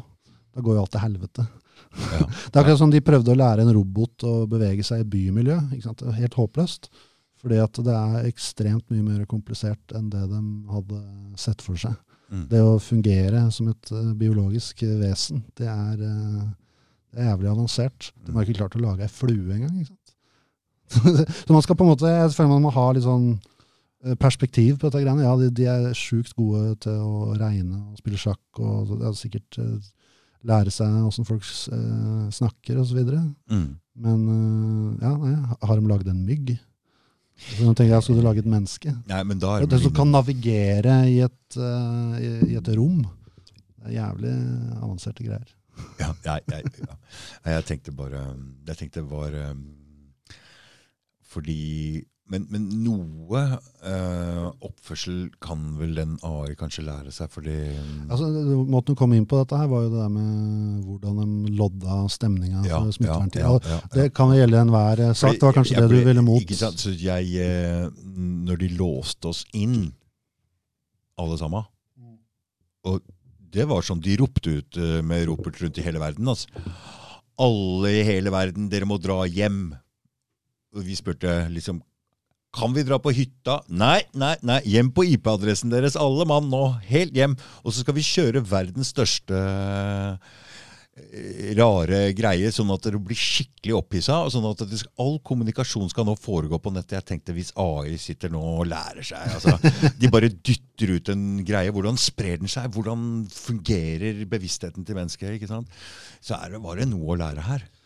Ja, Nei, eh, jeg ser hvordan det her kan eh, gi søvnløse netter. ja, ja, ja, men ikke sant. Så, så for du, for du kan tenke deg Du kaster ut fordi,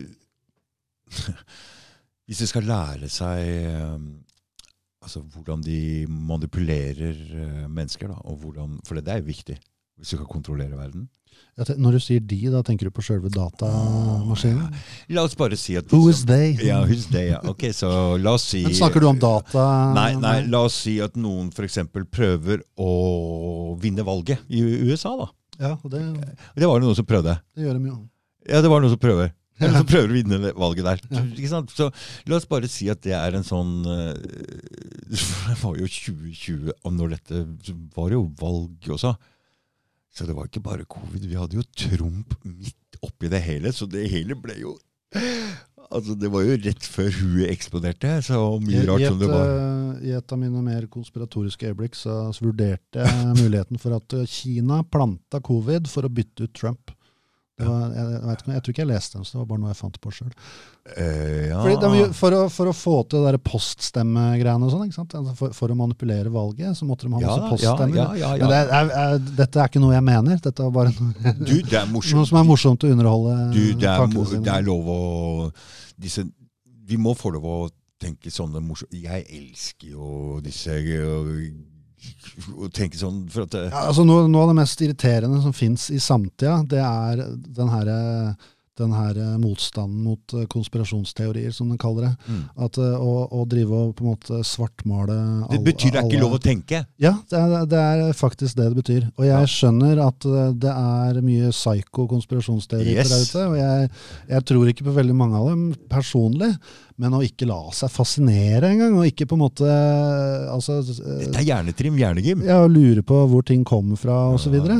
så altså Hvis man ikke tror på i hvert fall to konspirasjonsteorier, så, så, er, så er du hjernedød, faktisk. ja. ja, men så, Du trenger ikke tro på alle. Du burde ikke tro på alle, men man må i hvert fall være litt åpen. Ja, jeg, jeg er helt enig. Jeg er helt enig. Jeg har liksom sånn eh, Jeg har ikke spurt deg, men altså jeg har noen sånne eh, liten sånn syretest. eh, liksom, Hvor ligger du hen i landskapet her? Og Hva, hva, hva er det for noe? Nei, altså, det er samme av det. Men det har pleid å være sånn hvis hun svarer flat jord, så tenker jeg ok, ja, du ligger der. ja, mm, da er du helt på innerste Innerste, Ja, innerste, innerste QAnon og Flat Earth, liksom. Men det, ikke sant? Litt sånn filosofisk perspektiv på det, som jeg har. Eksempel eh, flat jord. da. Ja. Er, det at, er at det, det den teorien avslører, er hvor lite gjennomsnittsmennesket, altså de aller fleste av oss, egentlig veit om den type spørsmål. Mm. Hvorfor veit vi at jorda er rund? Fordi vi har sett et bilde av planeten, og fordi at vi blir fortalt det. Mm. Men de aller fleste av oss kan jo ikke regne det ut på noen måte. Vi har ikke kjørt romskip, vi veit ikke disse tinga. Vi tar det på tillit. Mm. Og det mange, ja, igjen, konspirasjonsteoriene avslører på en måte den eh, tillitsstrukturen. Mm. Så hvis du ikke sant? Sånn er det med mange konspirasjonsteorier. Hvis du møter på en fyr som er en vaskeekte konspirasjonsteoretiker, så kan han mye mer om dette greiene enn det du kan. Så hvis du er en sånn flat earth-fyr, Mm. han kommer til å snakke deg i senk. Ikke sant? Hvis ikke du er på en måte matematiker, eller ikke matematiker, Ja, men fysiker. Da, da må du forberede deg. ja, ja. Du må jo forberede deg da, til en sånn uh, argumentasjonskamp. da. Ja, og et eller annet med uh, horisonten, eller hva faen. Altså, du kan, Ja, ja, Jeg er ikke noen sånn talltype, så jeg, men det, jeg vet at det er måter å Jeg tror at jorda er rund, for å si det sånn. ja, oh, ja. Sier du det? Ja, ja, du tror ikke det, eller? Jeg veit ikke. Og jeg, jeg syns det er spennende. Jeg synes det er litt spennende, de greiene der. Men jeg har jo en annen fyr som sier bare glem det. Det er ikke vits i å krangle om den er flat eller rund, for den er ingen av delene. Ok. Ja, Nei, altså, jeg, så da jeg bare jeg, det, men det er interessant, for det, skal vi bare tro på hva folk forteller oss? Eller hva skal vi gjøre?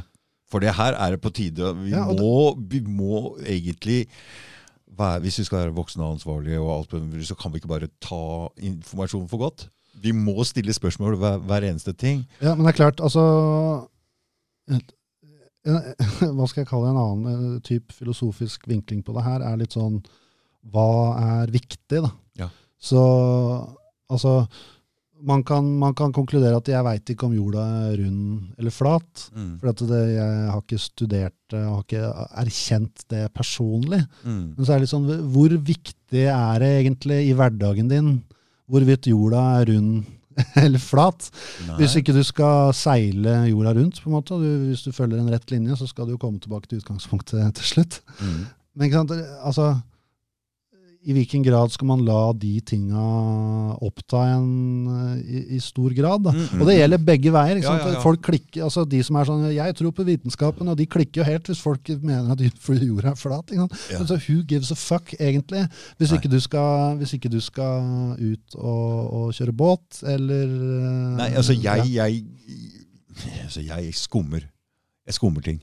Jeg, jeg har ikke tid til å gå inn og spesialisere Nei, meg på ett område og skal kjøre den kampen. Jeg skal kjøre argumentasjon til- Dessuten å vinne over Å sitte sånn og åh, argumentere og krangle med folk på nett. Fy fader, for en dritt. Jeg gjør det innimellom, men jeg prøver å unngå det. Men det hender jeg kaster meg ut i et eller er, annet på Facebook. det er greit, men eh, da burde du finne en verdig motstander som liksom tar opp og bruker ordentlige argumentasjoner og svarer på en ordentlig måte. Det, kan være interessant og spennende å se på, men de aller fleste er ikke der.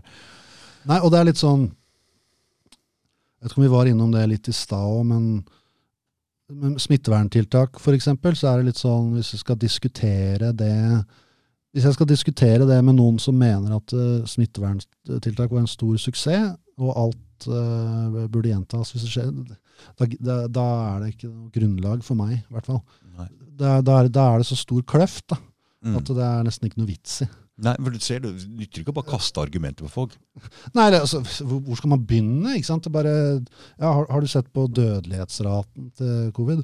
Uh, ja, men eh, det, det er stort nok til at eh, og, så, og da kan du sitte og diskutere det i fire timer uten å komme noen vei. Mm. Så man må på et eller annet nivå være litt på nett Mm. allerede. Mm. Mm. Men det er klart, På Facebook sånn, så har jeg slengt meg ut. Men ja, hva skal jeg si? Det er faktisk litt sånn på Facebook De ampreste diskusjonene jeg har vært i, har egentlig vært med folk jeg føler litt tilhørighet til. Mm. Eh, så så det, er, det er noe med at man eh, Man blir ekstra skuffa over de som man føler burde vite bedre. Mm. Så det er litt sånn Ja, for de andre- det, De andre har jo bare gitt opp. ikke sant? Altså, Ja, ja, ja. det- Bent Høie skulle krangle med han. Han, han er lost cause, liksom.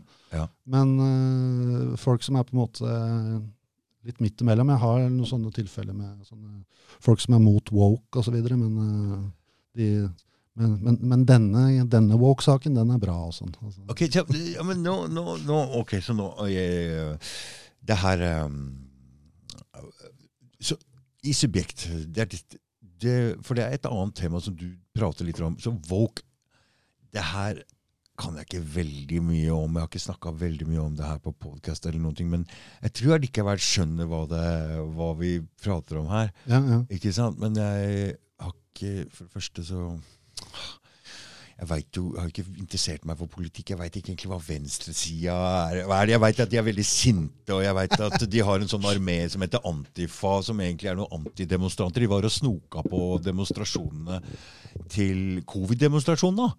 De var der. De så etter, eh, så etter lysglimt og så etter ja, der skal jeg ta det var for. Jeg bare hva er de der? da?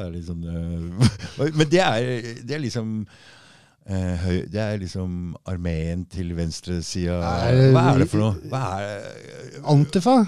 Jeg, det, var jo USA mer ja, at det ja, der var ja, mest men de har sånn i. Norge også. Jo, ja, men jeg føler er hele den Antifa-greia har kommet og gått litt. Det var veldig eh, under Trump.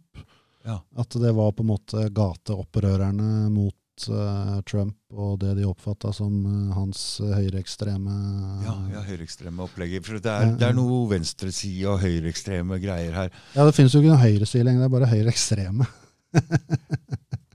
Det- Fordi Men, du, ja, det sånn ja, ja, det var noen som eh, skrev en sånn rar artikkel her. Men jeg leste at For det var noen eh, sånne um, Hva er det heter der? Som ble arrestert nå i helga, forrige helg, eller noe sånt. Som satt på en sånn greie bortover. Det var noe eh, 35 eh, motstands...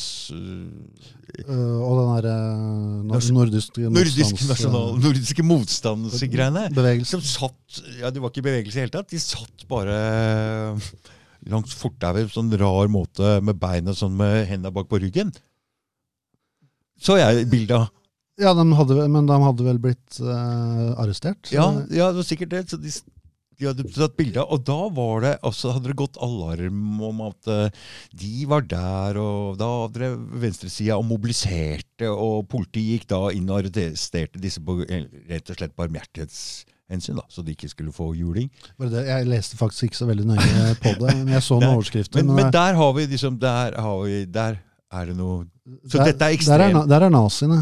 Jeg Der- gikk, jeg gikk inn på nettsida Det var var det bare fire som var norske, tror jeg. Ja, det var det morsomste av alt. Ja. Var Fire norske nazister. Det tror jeg faktisk er det totale tallet også.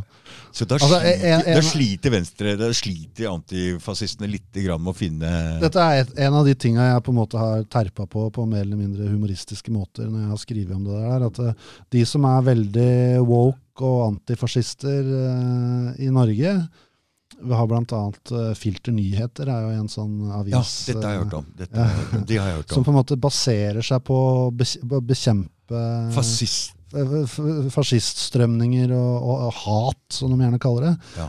Saken er at dette her er et skyggemonster. Det eksisterer jo ikke. Det, det, de har funnet på en fiende inn i huset sitt, og så går de med, med lys og lykt uh, for å finne dem. Og, Ja, for Og- det fins ikke nazister i Norge lenger. Altså, det var var det er fire, før- fire stykker. Ja, og så var det oppe på Bøler uh, Så var det tre-fire ungdommer som uh, var, var det sånn? Eh? Ja, ja, altså den der Benjamin Benjamin-greiene. Ja, ja, ja. Mm. Nei, altså Det er et så et så overdrevet problem Og hva er, det, hva er disse folka? Er det, hva er forskjellen mellom for eksempel, Ok, så vi har han derre Sian. Mm. For det første, jeg ser de der. De ødelegger debattklimaet helt. Okay? Hvis det skal være måten vi skal liksom bli prega av den, at vi ikke kan ha den innvandringsdebatten. Da. For det er jo de står og brenner denne Koranen, og så står det noen og kaster stein. Så er det, er det klimaet vi vil ha på den debatten? For det, det, det kupper egentlig og ødelegger all form for Men, men sånn har denne debatten aldri kunnet Vi har aldri Ja, kunnet ta noe av. Altså, Hæ? Er det noen gang uh, Sian-tilhengere som møter opp på noen av de der uh, demonstrasjonene deres? Det, det, har ikke jeg fått med meg ennå, i hvert fall. Det, er jo bare motstandere som møter opp, og det er derfor politiet må være der. For å, for å beskytte Sian mot 500 ja, ja, ja, ja, rabiate nei, nei, det er den rare gjengen som står der. Det står en sånn dame som har en sånn Jeg, jeg så dem når de var i Drammen, nemlig. Det, den dialekta der. Hva, den, Til hun dama der. Eh, det, det, jeg husker ikke. jeg. Den er altså Det er eh, Altså, altså jeg, jeg, den, jeg veit ikke hvor den dialekta kommer fra, i hele tatt, men den østkantia den høres ikke bra ut for i hele tatt. Så, er det jeg kjent Sian-dame? Jeg veit ikke hvem Ja, det er hun som står og skriker, og så er det han. ikke sant? Det er, to, det er de to.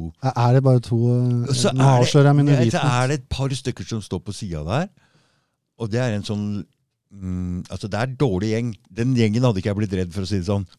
Det er en som nesten en sånn tynn gammel som ikke kan gå. Så, er det sånn, så de ser ut som det er eh, Det er ikke en veldig skremmende gjeng. Det er, det er, det er noe sånn dritt Det er dritt jeg har slengt til bl.a. han redaktøren i Filter Nyheter.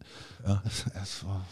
Om jeg skal gidde å drive og Bare bringe oppmerksomhet Ja, Men dette, men, de, disse er jo ikke nazier! Nei, men det har alltid sagt at de, de, de, tror, de, tror, at de kjemper mot nyfascismen i Norge. Og det de egentlig driver med, er å henge ut noen arbeidsledige alkoholikere. Som, ah. som driver og, som har mista huet lite grann. og som, som altså, Sian er ikke noe politisk kraft i Norge. ikke? Det er, det er gjeng med Det var ikke en dialekt jeg egentlig prater om. Det høres ut som en en, eh, rett og slett en fyllekjerring.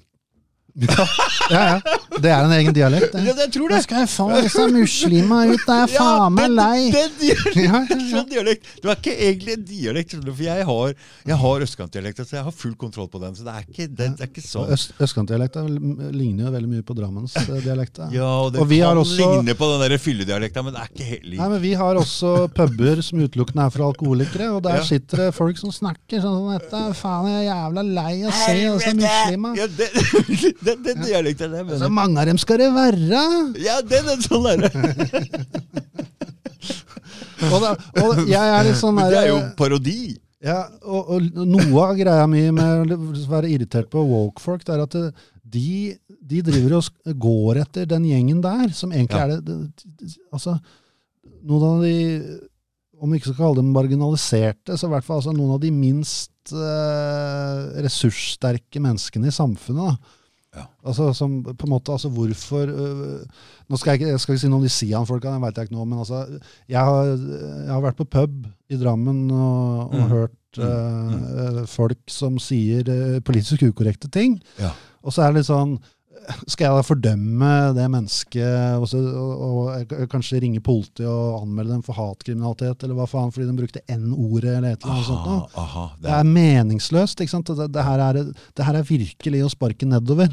Ja. Og, og, liksom gå etter uh, ja, folk nederst på samfunnets rangstige. da. Mm. Og det virkelig provoserer meg når du har liksom sånn uh, ledelsen i, i, redaksjonen i norsk media som snakker om liksom, rasismeproblemet og alt videre, og så er det stort sett den type folk som de er redd for. da. Mm. Altså, men, sånn men, men, greia er sånn at disse her, når de går mot um, For det, det må jo være forskjell på um, nazister og eh, islam altså De har jo de har jo istedenfor å si at de er eh, De har jo vært litt sånn lure, ser jeg. Altså, de er antageligvis imot innvandring. Og så Hva sier han? Ikke sant, ikke sant. Men det, det, det, ikke sant, så greia, greia er sånn um, Ok, så så er det det der med Israel ikke sant, som er imot For det, de, Midt oppi derfra der har vi den derre i, I Israel så er det en konflikt mellom uh, jøder og muslimer. På en måte, kan vi si. Her er det jødene som er aggressorene, og det er de som er innvandrerne, det er de som driver ut de andre. ok? Så mm, siden det er en konflikt mellom dem, så, så, så, så siden det er en konflikt liksom her også, da, med en slags form for innvandring og en slags sånn Samme som de driver og presser seg inn på det territoriet der, så er, føler vi at de presser seg inn på vårt territorium. Ja, ja, ja. Så det er jo helt motsatt ting. På en måte. Eh, Her, Ja, altså Norgesituasjonen kontra Ja, ja, Israel. Ja, for her er det de muslimene som kommer hit, og der er det de Så det er motsatt, på en måte. Så um, Jeg tror jeg skjønner uh, instinktet ditt. Jeg satt faktisk og kladda litt om det i går. eh, En idé om noe jeg kan skrive om i framtida. Uh, For det her er litt sånn diffust og betent, for det, det, det er veldig å stå opp og si at du er imot innvandring, så er det lett å bli kalt for rasist. Men, men hvis du liksom bare sier at du er imot islam, så kan du liksom stå med jødene, med Israel, mot det i den konflikten der som egentlig er helt altså, Ja, det, den, den går ikke an å forsvare, mener jeg. Da, men altså, disse jødene har jo en sånn derre der, Den antisemittismen er jo den liksom verste form for rasisme som du ikke kan touche borti. Da, for de er jo liksom ja, Her er vi inne Kanye West. Ja, så du, så du Nei, men altså, vi skal ta tak i et eller annet der eh, Ja. det, er, det er noe veldig interessante paradokser eh, som ligger i det der eh, med å Hvordan man forholder seg til innvandring, uh, f.eks. For i forhold til det å ha sitt eget land og sin egen kultur, og hvorvidt kulturen vår er trua, eller eh, Mm, hva, hva mm, vår mm. kultur er, osv. Uh, et interessant aspekt av det der er hvordan venstresida fra sånn midt 70-tallet gjennom 80-tallet, 90-tallet vendte seg mot at innvandring er en kampsak. da. Fordi venstresida på midt på 70-tallet, eller LO f.eks., var jo innvandringsmotstandere Ja. fordi at uh, det var en trussel mot norske arbeidsplasser. Eller norske Ah, selvfølgelig, arbeidstakere. Selvfølgelig. selvfølgelig. Mm. Sånn at det, det ville liksom vanne ut eh, Dum. lønninger og Og, og, og, ja, bla, bla. mm. Så det var ikke en naturlig venstresidesak eh, sånn sett i en klassisk eh, venstresida som fokuserte på økonomi. Det er interessant å høre, for det, det er litt sånn det er, det, Dette veit ikke jeg noe om. Så hvor kommer det fra, og hvor, hvor, hvor bør lese, Det er en, eh, en norsk forfatter som heter Kai Skagen. Som er, eh, den ligger åpen på nett. En, eh, en lang, et langt essay som jeg burde ha huska tittelen på. Et eller annet med 68-erne. Hva er essayet det dikt? Eh, bare et langt, en lang kronikk, på en Lang måte. kronikk. Lang, langt innlegg. Ja. Eh, 68-ernes revolusjon. Et eller annet sånt noe. Mm. Kai Skagen, KAJ. Eh, og han skriver om det der hvordan uh, norske venstresidas forhold til innvandring har eh, utvikla seg gjennom 80-90-tallet, hvor liksom antirasismebevegelsen blei en måte å skape oppslutning til venstresida. da Mm. etter at eh, Blant annet etter at eh, det ble åpenbart for hele verden at kommunismen ikke var eh, svaret. Eh, og at man, man måtte på en måte skifte fokus på hvordan man skulle vinne, øh, vinne stemmer, på sett og vis. Og hvilken kamp man skulle kjempe. Mm. Og da kommer det De svakes kamp. ja, nettopp de svakes kamp. Og hvem er de svake? Ja. En gang så var det arbeiderne. Ja. Eh, men så, så alt begynte å vende mot eh, det man gjerne kaller identitet. Så det er Dette- der man da har eh, nå- hudfarge, okay. legning Nå, for nå kommer vi inn i Våg-bevegelsens begynnelse. Vi ser den hvite manns oppression. Altså, for det, det er ikke tvil om at spesielt engelskmennene har herja rundt og hatt kolonier og drevet og trøkka på andre folk, så det er altså, det, ja, På et sånn veldig generelt nivå så kan man jo si at ja, det, det Ikke sant? ikke sant? Så det, det, det, går ikke an å altså, Maken til Nei, men jeg, jeg er litt sånn Jeg har ikke tenkt å ta noe ansvar for hva britisk kolonialisme drev med på 1800-tallet. Absurd, ikke sant? Bare fordi Ja. jeg er hvit i huden. Ja, ja, ja. Idiotisk. Bestefaren min drepte nazier. Så det er litt sånn, ja ja, ikke kom og fortell meg at jeg har noe ansvar for ja, Det er det dummeste argumentet som Nei, jeg- eksisterer i Ja, ja, ja, i moderne politiske Nei, altså jeg er født Jeg også her er født eh, her, eh, her i Oslo, og jeg har ingenting med det der å gjøre. Så jeg steller meg fritt til å si hva jeg vil om, eh, absolutt alt. Og jeg skal si noe morsomt. altså Egentlig de jeg prater best med på jobben, det er faktisk utlendinger. ok? Ja, jeg har hørt det der mange ganger fra folk som ikke nødvendigvis er venstre, venstresidefolk. folk. Nei. altså, den derre Man kan kalle den eh, formen for woke som er veldig etablert i Norge, eller bare, bare hva som er sånn høflig, anstendig måte å være på. Mm. Det er jo en sånn borgerlig eh, overklasse, eller i hvert fall øvre middelklasse-greie. Og det er gjerne folk som ikke har noe med eh, utlendinger å gjøre i det hele tatt. Ikke sant? Ikke sant? Så de snakker veldig mye om å være snille og forståelsesfulle mot eh, folkegrupper uh, som de aldri konfronteres av sjøl. Mm. Så det er litt sånn hvis du bor eh, liksom skal karikere det litt, da. Så hvis du bor på Holmenkollen, så er det veldig lett å være pro innvandring. fordi du, du, du blir aldri møtt av, av konsekvensene av det i hverdagen. Men hvis du bor på Grønland, for hvis du er oppvokst på Grønland og har sett utviklinga der fra 70-tallet til i dag, så er det en, en, kanskje en litt annen story. Greia er sånn at eh, hvis du gir eh, Hvis du prater ordentlig og kom ordentlig med noen innvandrere, de elsker det. ok? For endelig så er det en nordmann som de kan snakke vanlig og ordentlig med. Ja, ja, ja. For det er ikke nok av oss som gjør det. ok? Mm. Så det betyr de er litt for mange til oss, til, fordi vi klarer ikke å, de klarer ikke å få tak i en, en nordmann å bli venn med! ja, ja. De klarer ikke! For det er ikke nok av oss. De, andre, de, de aller fleste er litt sånn skeptiske og er ikke de, ja og nordmenn er litt inneslutta. Vi er Ja. veldig Så de tør ikke å gå bort og si 'Hei, du, hvor kommer du fra?' Eller, 'Hei, er det sånn?' eller sånn, og prate litt høyt og sånn, for det, er veldig sånn hysjete her. Ja, og- også, ikke sant? en annet aspekt av det her er jo at eh, rasisme er jo en, eh, en kjær ting for nesten alle folkegrupper.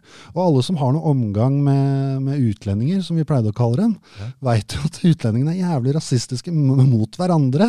Så jeg husker I Drammen så var det sånn, tyrkerne var liksom faen, jævla De jævla vietnameserne og sånn. Fuck dem. Og, så det, vietnameserne slåss med tyrkerne, og pakistanerne slåss altså, Ja. det, Men det er litt sånn på, på hvilket nivå du tar det. Da, ikke sant? At, ja, rasisme i den forstand at man dømmer litt på gruppenivå og sier at tyrkerne er sånn, og pakistanerne er sånn, og og nordmenn er sånn. ikke sant? Ja. Altså, Det må, er man nesten bare nødt til å erkjenne.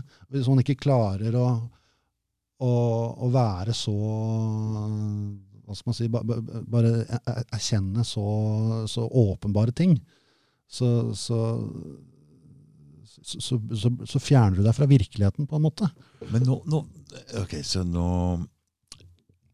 De går altså fra å forsvare den svake arbeideren til å forsvare de svake svakeste i verden, innvandrerne som trenger vår um, omsorg og, og Ikke omsorg, men de trenger å Jo, det er ja, omsorg. Ja, ja, ja, ja, de trenger å få litt eh, hjelp. De, de, tanken er jo det er mye god. stolthet knytta til denne omsorgen som de, de føler for de svake andre. ikke sant? Ja. Men ja, hva er det du skulle si? ja, nei, nei det, det var Ok, så vi er, vi er der. Og det, det, det er jo helt forståelig, hele den greia der. Men um, er det, er det en så, så, Men nå er vi jo kommet hit, og vi har ikke kunnet tatt øh, Vi har ikke kunnet snakke noe om innvandring. Altså det, debatten har jo blitt uh, avbrutt hele tiden med dårlige ord som 'du er nazist', 'rasist', ferdig. Da snakker vi ikke mer om det. Eh, og i den greia momentet her så har verden forandra seg totalt. Og det har kommet altfor mange altfor fort. Og fremdeles så kan vi ikke snakke om det. Eh, hva faen er det som skjer her? som sagt, så, så vil Altså, derfor jeg jeg men det er klart, altså, Hva betyr det egentlig at man ikke kan snakke om det? Så, Offentlig, I offentlig debatt på TV og sånne ting. Det er der vi ikke kan snakke om det. Ja, det, altså, men det blir jo snakka om, det er bare at det blir eh, veldig altså Det er jo som Frp som har eh, Ja. stått på barrikadene for uh, innvandringsskepsis uh, Ja. i alle år, egentlig. Carl I. Hagen. Ja, ja, Carl, ja. Det er interessant å se. Man kan se debatter med Carl I. Hagen fra sånn 70-tallet, Ja. hvor, han- hvor han spår et par ting som har slått til. Ikke sant? Og han, jeg husker han, jeg tenkte han er liksom, er det den liksom, Hvor er mannen hen i samfunnet her? Og Han som sier, slår hånda i bordet og sier 'hei, nå holder det her'. Nå for jeg tenkte, Det var Carl I. Hagen, det var det eneste vi hadde. Og han slo ikke veldig sånn Var ikke så altså, Og han fikk så kjeft. Hæ? Ja, og det, det er noe med den herre Hva som er anstendighetens Ja. uh, måte å forholde seg til ting Ja. på. Og det, det er som regel det er overhodet ikke relatert til virkeligheten. Nei. Konkrete realiteter i samfunnet. Altså hva er uh, Høflig og For du var inne på det i stad, ikke sant? Ja, ja. Det der med Det var kanskje før uh, kameraet var på. Men uh, ja, det er hva som er den anstendige, høflige måten å, å forholde seg til en problemstilling på. Ja. Og det er veldig mange, også i media, som er, er mye mer på Antennene deres går på hva, hva er den anstendige posisjonen på dette spørsmålet, og så Ja. inntar jeg den, i stedet for å, å se på et uh, problem eller en sak med liksom uh, Ja, å for da var vi åpne nøytrale øyne. er det styrt dette her? Eh, for, for da hopper vi bare Jeg jo. ikke- ikke om denne samtalen heller ble eh, Om vi var på kamera da eller ikke. Ja, ja. Men det var liksom sånn Er det styrt? Eh, eller, eller er det bare en naturlig prosess, det som foregår? Ja, ja, nei, jeg, jeg er mye mer på at det er Kall det en naturlig prosess. At det er mer eller mindre ubevisst. Ja. Altså, det, det, det, er ikke, altså, det er jo ikke noe, er noe generaler og noen slags mørk ledelse som, som driver og ringer folk i hemmelighet og sier at nå skal vi mene dette om eh, innvandring, og nå skal vi mene dette om covid, og nå skal dere levere disse nyhetene. Det er mye mer subtilt. Det, bare, det, det, det skjer eh, litt av seg sjøl. Det er veldig lite konspiratorisk, du.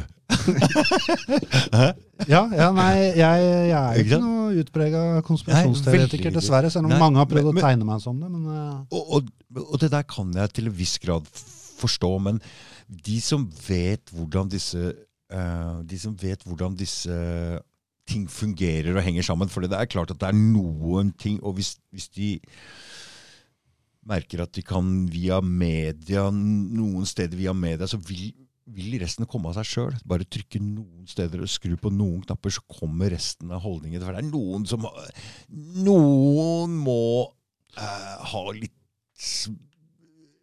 Altså, jeg tenker noen har styringa på en eller annen måte. Altså, noen, noen må ha tenkt litt grann sånn som det her, da. Eh, nå kjenner jeg veldig mange andre med makt. Skal vi prøve å styre verden i en eller annen retning? Går det an? Eller, det må jo ha vært noen som har tenkt litt sånn. Ja, det, det er Jeg håper jeg da virkelig. Jeg tror, altså, Jeg håper da at ikke alt er helt på det, lukka det er veldig mange tråder man kan trekke av dette også, men det er litt sånn La oss si en sånn eh, Dette de kaller the great reset og Ja, ja, alle disse tinga, og Mm. litt sånn klima... Klima. Ja, jeg, jeg, tror, jeg tror at eh, Greia er jo at det er ikke konspirasjoner, men det er at det, den ene sidas uh, bilde av den perfekte verden er den andre sidas bilde av en forferdelig dystopisk verden. Ja. ikke sant? Jo. Så det, det, det er jo ikke i hemmelighet at de sier at uh, at eh, idealet er at folk ikke skal eie ting, og at du skal Vi ser allerede tendensene skal- til det nå, med bildeling og sånne ting. Ja, ja, ja. Ikke sant? Og, de, og dette er en, noe de driver fram med vilje for noe. Ja, og det, det er med vilje, og, men altså, det er jo ikke i, i det skjulte. Nei, For at det er motivert av en tro på at uh, klimakatastrofen er rett rundt hjørnet. jeg skjønner, men du Men jeg, samtidig så er det sånn, ikke sant, hva Det er friheten min, da. Å ha et kjøretøy utafor her til å dra hvor jeg vil når jeg vil. Ja, Det er friheten min. nettopp. Og altså i, Igjen her så har du en sånn eh, en slags avgrunn mellom realitetene og, og den anstendige holdninga. Altså, det er litt sånn eh, Folk, eh, Tror du på klimaforandringer, f.eks.? Ja, nå skal du tro, eller skal du forstå dem? Ja. Eh, og igjen så er det sånn, hva gjør, hva gjør du med klimaforandringene? Altså, Du kan ikke gjøre en dritt, jeg kan ikke gjøre en dritt. Norge kan ikke gjøre en dritt. Eneste jeg kan gjøre, er jukse med gradestokken min. da. Ja, så- så klimakvoter og sånn piss. ikke sant? Åh, bare, Vet du hva jeg har her? Jeg har sånne kullsyrepatroner til, eh, eh, til eh, sånn Det er CO2. Til sånn luftpistol! ja, ja, Det er klimakvota mi. ja, nettopp, Den skal jeg ikke skyte opp. Kan du, kan du skrive at du ikke skjøt den opp? Men det er altså Nå, nå skjærer vi litt ut her, men eh, Men, men eh, det ene poenget jeg prøvde å få gjennom, er, er noe med det der at uh, mange, mange av de tinga som kanskje kan framstilles som en konspirasjon eller som en, en ond hemmelig plan, er, er kanskje kan si det er en ond plan, men det er ikke en hemmelig plan. Det, det er, dette er altså Når eh, World Economic Forum snakker om ting helt åpent da. Mm. Det er en, eh, en Substack-skribent jeg liker veldig godt, som er anonym, som heter Augypius, som er tysker. Han skriver et eller annet om at uh, folk som eh, World Economic Forum, deres uh, metode for å skjule sin agenda er ikke å faktisk skjule det, det er bare å, å kle det inn i, i ørkesløs kjedsomhet. Så du kan, du kan gå på YouTube og se på møtene deres. Det legger du ut. Det er timevis, og så er det utrolig kjedelig å høre på. ikke sant? Det er sånne der byråkrater som sitter og snakker om Men det er eh, sånn de gjemmer alle ting i de papirene sine. ja, ja, ja. Det går ikke an å lese gjennom alle de papirene for å finne noe. Altså, du må jo få noen til å Nei, og det er litt sånn Ja, hva er på en måte konsekvensene den, praktiske konsekvensen av mange klimatiltak, eksempel? Altså, hva er idealsamfunnet deres? Idealsamfunnet deres er at du ikke kjører bil, at du, du ikke spiser kjøtt, og at du bor på minst mulig flate. Og, Tanken, her, og, og tanken det, her er at vi er for mange folk, ikke sant? og lite ressurser. ressurser. Det er en vil... folkemorderisk eh, tanke, som jeg liker å kalle det. Altså hvis, du, hvis man mener at eh, vi er for mange milliarder mennesker på jorda, så liksom, ok, hvordan har du tenkt til å fjerne alle de Ja, er milliardene menneskene? Okay, Din er- sjuke faen. Ja, men her, det, altså, det ligger bak og lusker her hele tida. Den tanken. Vi er for mange, ressursene, vi må begrense det. Og det er jo en ansvarlig tanke hvis de vil at dette skal vare lengst mulig, og vi skal utvikle oss lengst, ha best mulig forhold her. og se. Fordi jeg er litt sånn inne på, jeg tror at mennesket er i en slags evolusjon og en slags utvikling, at vi kan nå ganske langt. da. Og da bør vi jo gi den muligheten uh, gi, gi de etterkommerne våre den muligheten til å klare å utvikle seg den veien. Ja, altså, Hæ? Hva syns du om den eh, tanken? Om jeg, om jeg skjønte den, men jeg, jeg, kanskje jeg ble avbrutt av min egen tanke. men eh, jeg, altså, min posisjon på dette greiene, i den grad det spiller noen rolle, er mer og mer at eh, altså, vi må fokusere på vårt eh, nærmiljø. Vi må fokusere på hva vi kan gjøre noe med. Og det gjelder både hver enkelt av oss, men det gjelder også Norge som nasjon. Norge skal, skal slutte å ha noen ambisjon om å, om å stoppe klimaforandringer. Da må vi stoppe å ta opp olje, da! Det er fullstendig urealistisk, ikke sant? Ja, men Da må Det- vi i hvert fall stoppe å ta opp olja hvis vi tror på de greiene der. Det, vi kan ikke, altså Da kan Nei, det ikke de- være samme. Det er jo så schizofrent som det går an. Først pumper vi opp masse olje, og så sier vi nei, vi skal ikke kjøre bil! Ja, ja. Og, altså, men de, de legger jo, de legger jo noen Ja. sånne langtidsplaner. Nå er jo Støre var ute i går og sa at uh, vi skal kutte utslipp med 50% innen om det var 2040 eller hva det var for noe. Okay. Det er jævlig mye kutt, ikke sant. Og allerede så er Norge på en måte nesten et, er, et foregangsland når det gjelder Ja, men vi pumper jo opp all olja! Hva Ja, ja, faen? men, den, er, den er karbonrensa og alt mulig piss. ikke sant? Men for- Olja? Ja, altså, det, Den norske oljeproduksjonen er den reneste i verden. Ja, men jeg skjønner det, men når de brenner olja, så blir det jo Ja, ja. Men folk vil ha den olja rundt omkring i verden. Og det kommer ikke til å stoppe. Ja, men altså du, Hør nå, hør nå. hør nå. Jeg, jeg, jeg, får- Energi, energibehov. Jeg får- Ja, ja, men enten, enten, så, enten så får Norge si at vi tror at for, å brenne olje og karbon altså det blir, Da blir det forandring i klimaet. Du sier det er hyklerisk. Til de Og det er- det er jo. grader, Til de grader! Ja, ja. Enten, enten, enten så får de ta konsekvensen av det de sier, det slutter ok, men da tar vi ikke opp mer olje, da. Men det er, det er sånne ting man har Arbeiderpartiet og Høyre til. Ja. Det er til å framstå som veldig sånn moralske og gode og, og, og, og ansvarlige og profesjonelle, samtidig som de gjør noe helt annet enn det de sier. Jeg blir helt rar i huet av de greiene der. Jeg klarer ikke å Ja, det er, litt sånn, det, er, de er jo selvfølgelig veldig klar over at Norge kan ikke legge ned oljeproduksjon i morgen, fordi det, da vil hele samfunnet vårt kollapse. Vi har jo, Gud veit hvor mange penger som går inn i Nav hvert eneste år. Altså, vi, vi, det, vi er helt avhengig av de oljeinntektene for å holde samfunnet vårt gående. Så, Og så- for å sponse de elbilgreiene, og det for at vi skal kjøpe Så vi kan kjøre på Så vi ikke skal bruke olje? ja, ja. Eller nei, altså, Jeg forstår ikke helt. Nei, det er fordi at det er jo egentlig ikke mulig å forstå det greiene, men det er litt sånn Også veldig mange retninger man kan gå med den debatten, men er, hva er uh, klimaforandringer, og hvor godt veit de hvordan ting kommer til å gå i framtida?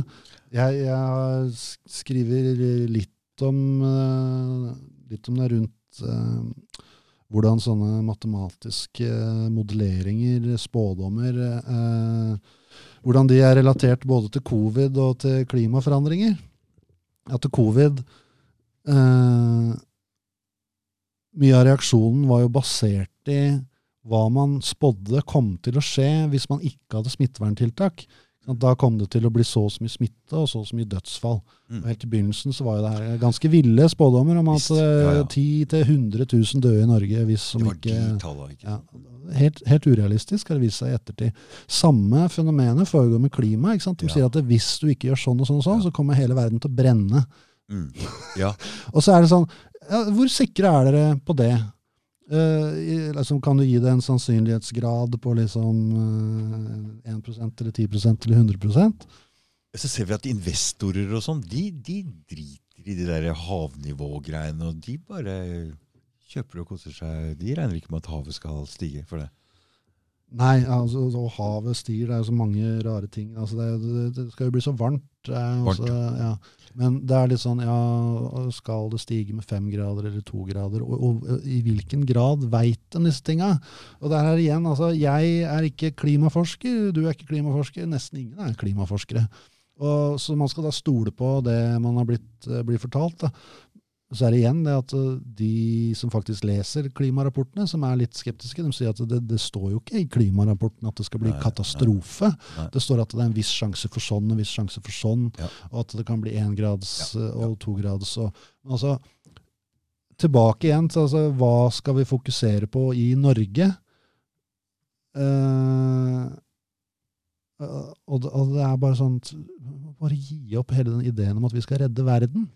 Vi kan vi, får, vi kan pumpe opp olje på den ansvarlige måten vi gjør, så lenge det er eh, etterspørsel etter olje i verden. Og det, kommer det til å være i hvert fall 20-30-40 år til. Mm. Og om vi slutter å pumpe opp olje, det spiller ingen rolle overhodet i det store bildet. ikke sant?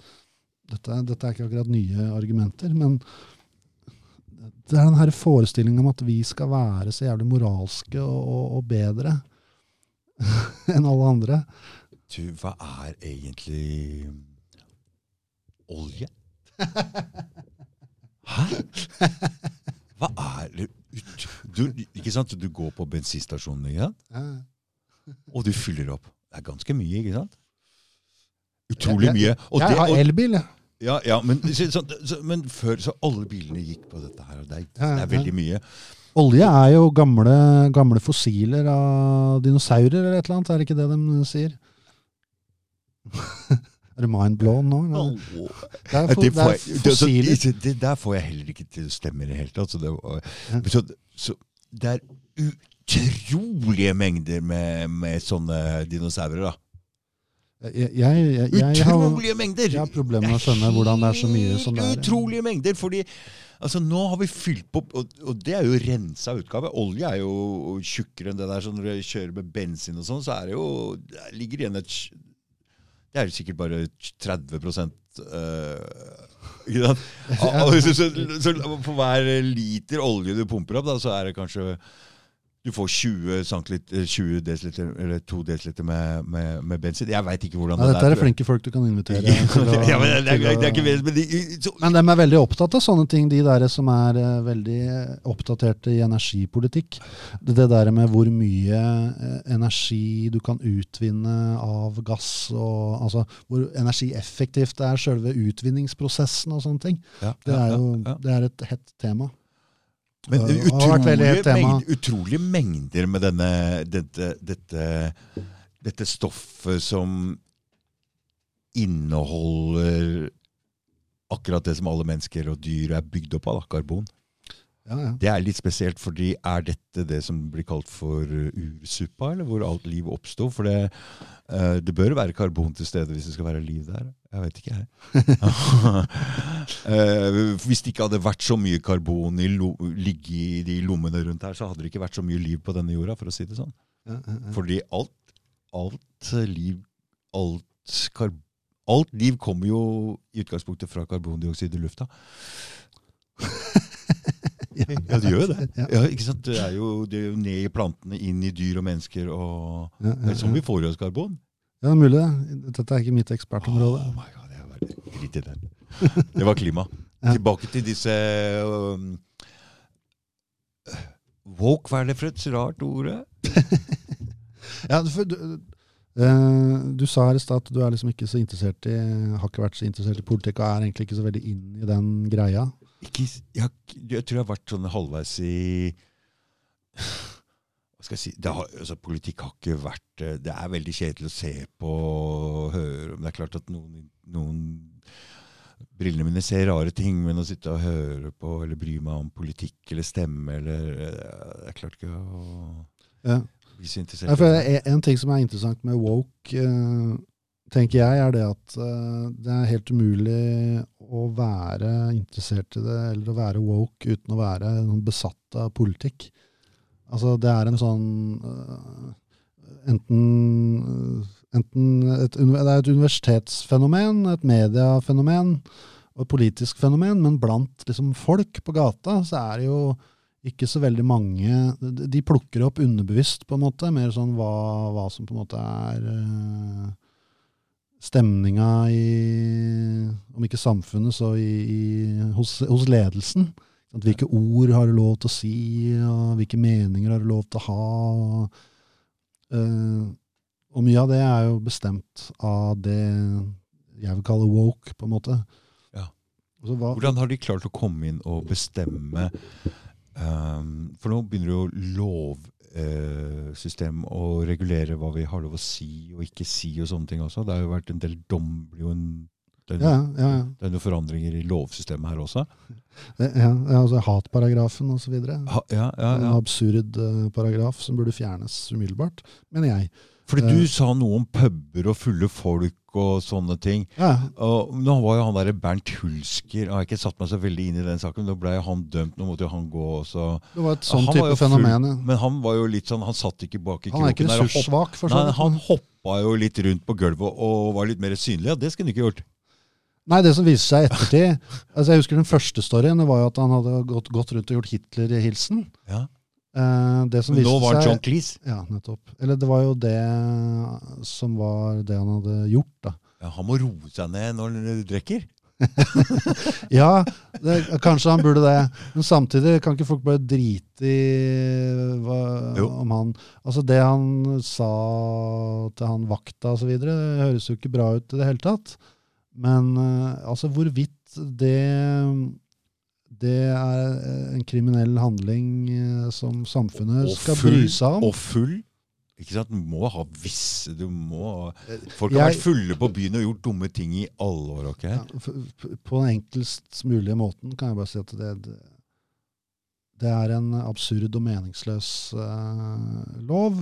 Mm. Og å drive og å ta fra folk jobben og, og til og med straffedømme dem for ord de sier i fylla. Fordi han er avhengig av Han jobber jo i medier, så han er helt cancelled. Han er ute. Ja, Nå så jeg det var en sak i TV 2 i, på, i dag, tror jeg. Så det bare den Ja, han scrolla. satt på knærne og, Ja, og, ikke sant? Han skal, nå skal han gjennom en sånn prosess. eh, han sa noe sånn nå jeg, jeg har blitt, nø- vært nødt til å se på meg sjøl og bla, bla, Ikke sant? Han satt nesten på knærne nå og folda hendene og ba hele norske samfunnet om unnskyld. ikke sant? At de må piske han litt, så kanskje han får jobb igjen. En av de mange absurde sidene ved sånne saker, det er på en måte Er det noen som mener at Bernt Hulsker er rasist?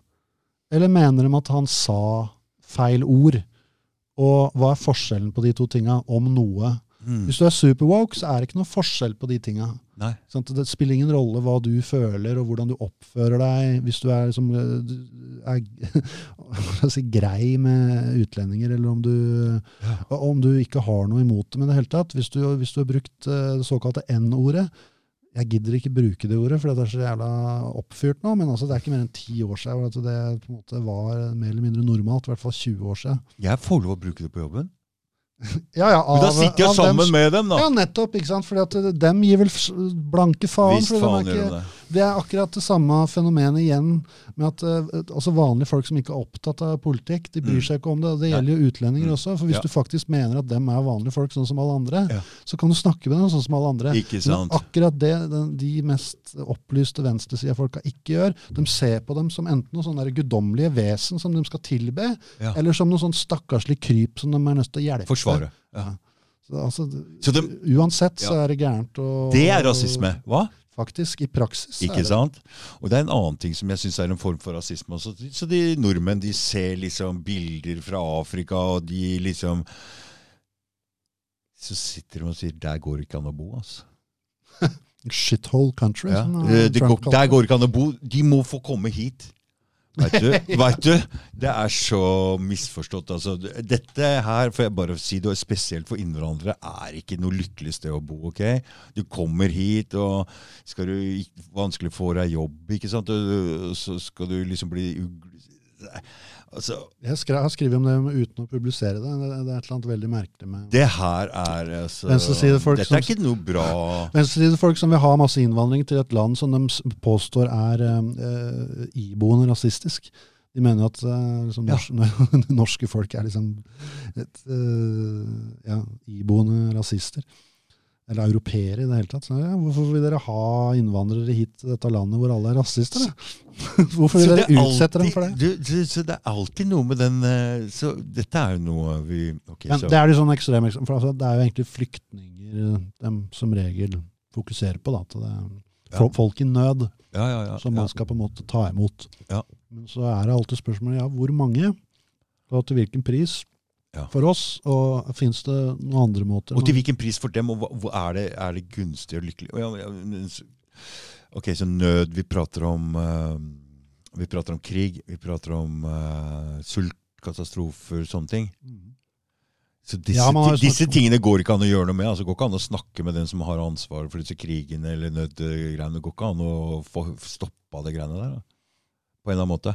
Nei, og Du har jo litt sånn klassisk eh, motargument i norsk eh, sammenheng som ikke får veldig mye oppmerksomhet. Det er, det er sånn Jon Hustad, for eksempel, hvis du har noe, lest noe eller hørt noe av han. Så vidt lest navnet, eller hørt navnet litt. Han er, han er, han er sånn økonomitype. Han er en sånn eh, kjølig beregnende vestlending. Ja. ja, det er sånn man trenger i Han ser på regnskapet, Ja. og det går ikke opp. Men eh, det er litt sånn, hva får du igjen for eh, penga du bruker på én innvandrer som kommer til Norge? Oi. Som skjedde? Jeg vet ikke, Android TV-device. Ja, ja, ja. Trykk på en knapp. Er det The New World Order som overvåker oss og prøver å sabotere Eh, de, ehm, teknologien vi bruker for å spre sannheten? Jævlig det typisk. Du, ja, du avbryter litt, det skal jeg gå tilbake til. Når du sier det der med sannheten, så er jeg jo med i en sånn haug med gærninger. Eller, eller, eller gærninger, men folk da, som vi er sånn sannhets... Uh, hva er det for å si? Sannhets... Uh, Søkere. Søkere er det kanskje. Sannhetssnakkere eller sannhets... Vi er sånn lys... Uh, Nei, jeg, jeg gidder ikke å gå. Drit i det. Vi hopper tilbake til Jan. Jon Hustad isteden. Ja. Vi kan ta lysvesen-sannhetssøkerne dine etterpå, eventuelt. Ja. Men uh, uh, Nei, det er bare, altså, bare ett sånn enkelt argument på det med innvandring. Er, er liksom, hvis man ser økonomisk på det, liksom eh, kostnadsmessig for den norske staten, Mm. hva koster én flyktning uh, til Norge? I, altså, man regner jo i 20-årsperspektiv eller et eller annet sånt nå. Mm. Eh, jeg husker aldri tall nøyaktig, som fucker opp mange sånne resonnementer. Men det er noe sånn, det er fem millioner kroner eller noe da, som går eh, på, på én flyktning på 20-30 år. Og så sier jeg, kan du si ok, det er, det er ett menneske i Norge. Hva kan du få igjen for de penga hvis du hadde brukt uh, der de kommer fra?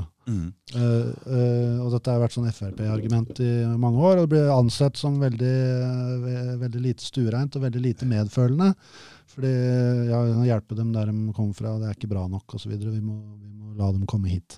Men, men, men, men nå er jo noen det er ikke, det er, det er sånn hvis du kan, du kan hjelpe 50 mennesker i Syria for den samme prisen av ett menneske i Norge, så hva er det egentlig som er mest omsorgsfullt og medfølende sant, i den ja, sammenhengen? er, Og er det ikke, sånn som du er litt inne på, er det ikke egentlig best for alle å kunne være der du kommer fra? Det er tross alt der vi føler oss mest hjemme, som regel. Jeg skal si en ting om det norske samfunnet. at Hvis vi tror vi er så lykkelige her, så er vi ikke det. Fordi for det første, vi er altfor atskilt fra hverandre. Det er alt for Klimaet er ikke Vi er ikke mye ute. Vi er ikke ute blant andre folk. Hvis vi skal gå ut, så må vi drikke, og det koster å gå ut på kafeer, og du ser um, Og vi er jo ikke Jeg et tror kaldt og hardt ikke- folkeslag. Hæ? Vi er et kaldt og hardt folkeslag som ja, ja. reflekterer naturen vi har oppstått i. Ja, det er kanskje, ja.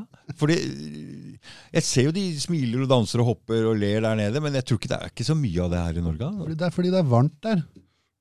Ja. Nå, nå, Ja, ja, men det, ja, men det er sant også, for når, når det er varmt, så kan man sitte ute og sosialisere mye mer. Ja, og du, du trenger ikke være så opptatt av å bygge infrastruktur og, og, og planlegge for vinteren, som blir hard Mm. Når det, når det er 20 Ja, grader hele året. Mm, mm. Men dette er reelle ting. Ja. Eh, men- og, ja, og at det påvirker, eh, påvirker kultur osv. Så, videre. så det er jo en veldig vanlig greie det med at uh, utlendinger kommer hit. Og det gjelder også folk fra andre europeiske land og USA og sånn, som bare reagerer på nordmenns eh, kjølige avstandtagen. Mm. Ja, Umulig å bli kjent med oss. Ja, det er litt vanskelig å bli kjent med. Så, men så vi, det, det som egentlig lokker dem, det er at de viser fram hvit, vestlig velstand med biler og fine hus og sånn, men det de ikke er klar over, er at vi har jo, sitter jo i bunnløs gjeld her. som når som helst eh, rakner. Hva, nå, er, nå, har jo vært noen innom her og forvirra meg med økonomi litt. grann, Så når du begynte å si i stad at covid, for det var det første du sa, kommer til å koste oss Uh, Hva skjer her? Hvordan kan vi stange ned hele samfunnet? og Ja, ja, ja. ikke sant? Men så er det noen som er inne og forvirrer meg veldig med det økonomiske systemet. her, så Jeg blir litt sånn halvforvirra at, uh, at uh, vi er jo gjeld alt sammen. Alle penger er gjeld, og eh, Eh, Økonomi er ikke min Ikke eh, det ekspertise er- heller. Jeg ble også forvirra av de greiene. Ikke sant? Og så sier det alle penger er gjeld. Du vet at det tyske ordet for penger er gelt, Ja. som egentlig er Skyld. historisk det samme som gjeld. Peng, penger er gjeld, det, på en eller annen måte. Jeg veit, ikke sant. Så dette er veldig forvirrende. Og um, så så når um, Så bare gå inn i den der lite grann. For det, når du sier det at eh, For jeg mener ok, så, så lenge det er tilstrømning av mennesker til et land, sånn som det er til Norge, fordi de tror på Norge Det kommer arbeidsinnvandrere hit, og også andre innvandrere som blir på en måte importert hit gjennom flyktninggreier og sånne ting. Så er det med på å holde boligmarkedet oppe? Er det med på å, å holde liv i økonomien her? Det er min det er liksom, Er det se spørsmålet ditt, eller er det Eh, Ja, det, er- det er et halvveis spørsmål, halvveis eh, en tanke som jeg, vet ikke hvordan Jeg veit ikke om det er sant, jeg vet ikke om det er, men jeg lurer på om det er litt grann en sannhet i det. i hvert fall. Altså, Én ting er jo at eh, ikke-vestlig innvandring til Norge starta i hvert fall som et arbeids... eh, Arbeidsinnvandring. ja, ja, som arbeidsinnvandring, som, eh, som manko på arbeidskraft.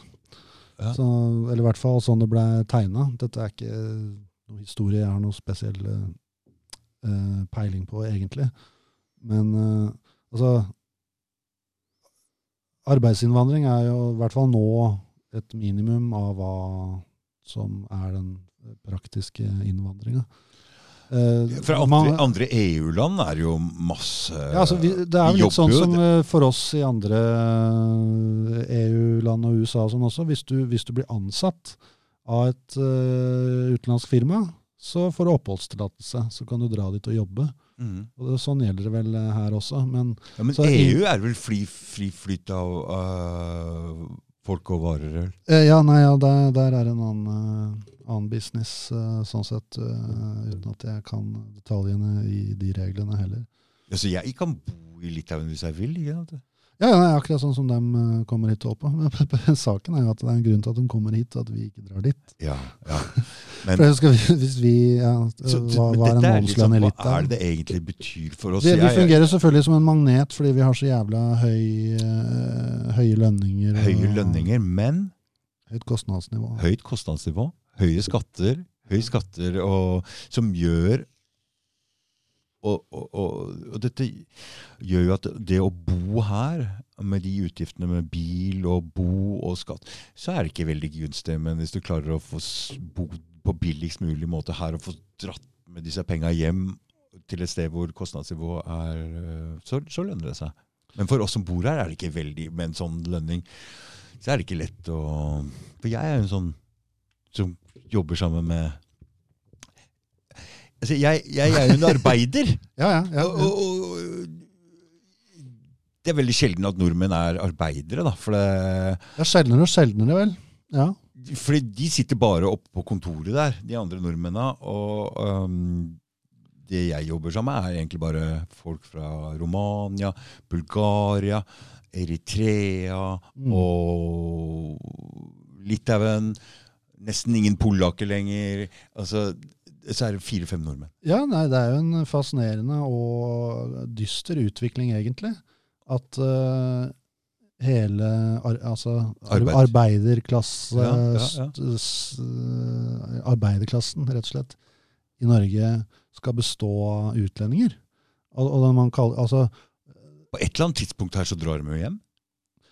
ja, det, det- det, det varierer vel eh, for så vidt når det gjelder eh, EU-innvandringa, altså ja, Polen og østblokken og sånn. Så noen blir vel boende her, og andre Ja, Noen, noen blir boende, noen andre Ja. drar hjem. Men, men det at uh, man liksom aldri ser nordmenn lenger på, på byggeplasser og sånn, ja, altså, dette, Det er dette er jo ikke noe positiv utvikling. Og det, det handler jo også om på mange måter eh, Nå, for nå, nå kan vi gå litt nedover. så La oss si at disse arbeidsplassene ikke er så lett tilgjengelige for nordmenn lenger. Da kan vi gå litt nedover i skolevesenet og se hva dette innebærer for den mannlige guttedelen av befolkningen Ja. som ikke orker å sitte på kontor, som ikke henvis. orker å sitte på en sånn dataskjerm, som ikke har den Og det henviser også litt til det vi var inne på helt i begynnelsen her, med, med akademisk eh, Altså papirutdanning, da. Altså teo teoretisk utdanning. At alle skal presses inn i den derre lange skolegangen Mm. for å få seg en grad, for å jobbe på kontor eller for å gjøre en eller annen sånn byråkratisk, administrativ eh, oppgave. Mm. Når det ikke er ideelt eh, for uh, veldig mange, og kanskje særlig gutter og menn. Ikke sant? Det, ja. For det er helt, helt, fra, helt fra starten på skolen, når du presser små gutter til å, på seks år til å sitte stille i, i ja, altså, Jeg vet ikke, det passer ikke for alle. Nei, øh, overhodet ikke. Og det er en øh, Det, det er bedre, lettere for en jente som liker å sitte og tegne og sånn. Og, altså, det er forskjell på små jenter og små gutter. Ja, ja. De gutta flyr rundt og bråker mye mer. Og, ja, nei, det er ikke noe tvil om at det er, mye mer tilrettelagt for jenter enn gutter i Skolevesenet. skolevesenet. Mm. Det er derfor de får bedre karakterer. De får det. De er på en måte vinnere i det systemet her. Nå. nå vi må trekke inn det kvinnelige al- alibiet i rommet? Ja, jeg, jeg hadde egentlig tenkt å gi henne mikrofon, for det er aldri nå, det. Hæ? Men skulle du hatt uh, egentlig du, Nei, fuck det politisk korrekte greiene. Ja. Damene trenger ikke snakke i alle sammenhenger. Nå er det, nå er det gutta som prater. Og vi sier at eneste grunn til at dere har bedre karakterer, er fordi at eh, hele skolevesenet er lagt opp for dere. Ja. ja, det er sant. Nei, det er. Nei, men altså, ja, nei, det, jeg, eh, jeg er helt enig i den eh, tolkninga. Og at det Altså Særlig når etter ungdomsskolen og inn mot eh, videregående, når man skal velge seg en eh, yrkesretning. Og det med å ha yrkesretta fag eh, er noe som veldig mange gutter historisk sett både egner seg best til og, og ønsker. Mm. Og at det blir stadig mindre av de jobbene, Mm. fører jo til at du får en, et stort segment i samfunnet som er retningsløse og føler seg uh, unyttige og ikke, ikke verdsatt osv. Og, Mm. og Nå er vi inne på et stort ja, ja, og dette er i hele vestlig verden. Hele vestlige verden. Og når du, når du etter hvert får uh, eh, til tusenvis millioner uh, av folk mellom eh, 15 og 40 menn som, uh, som føler seg nytteløse, så har du en veldig slagkraftig gruppe som kan eh, Styrt i feil retning kan gjøre veldig mye skade.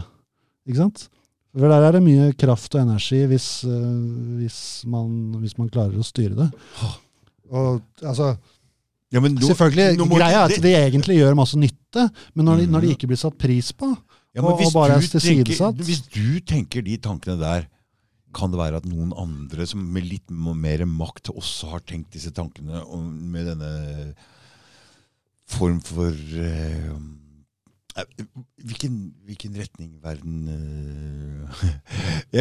nå- Ok, så du tenker valg i USA her nå Er det nå?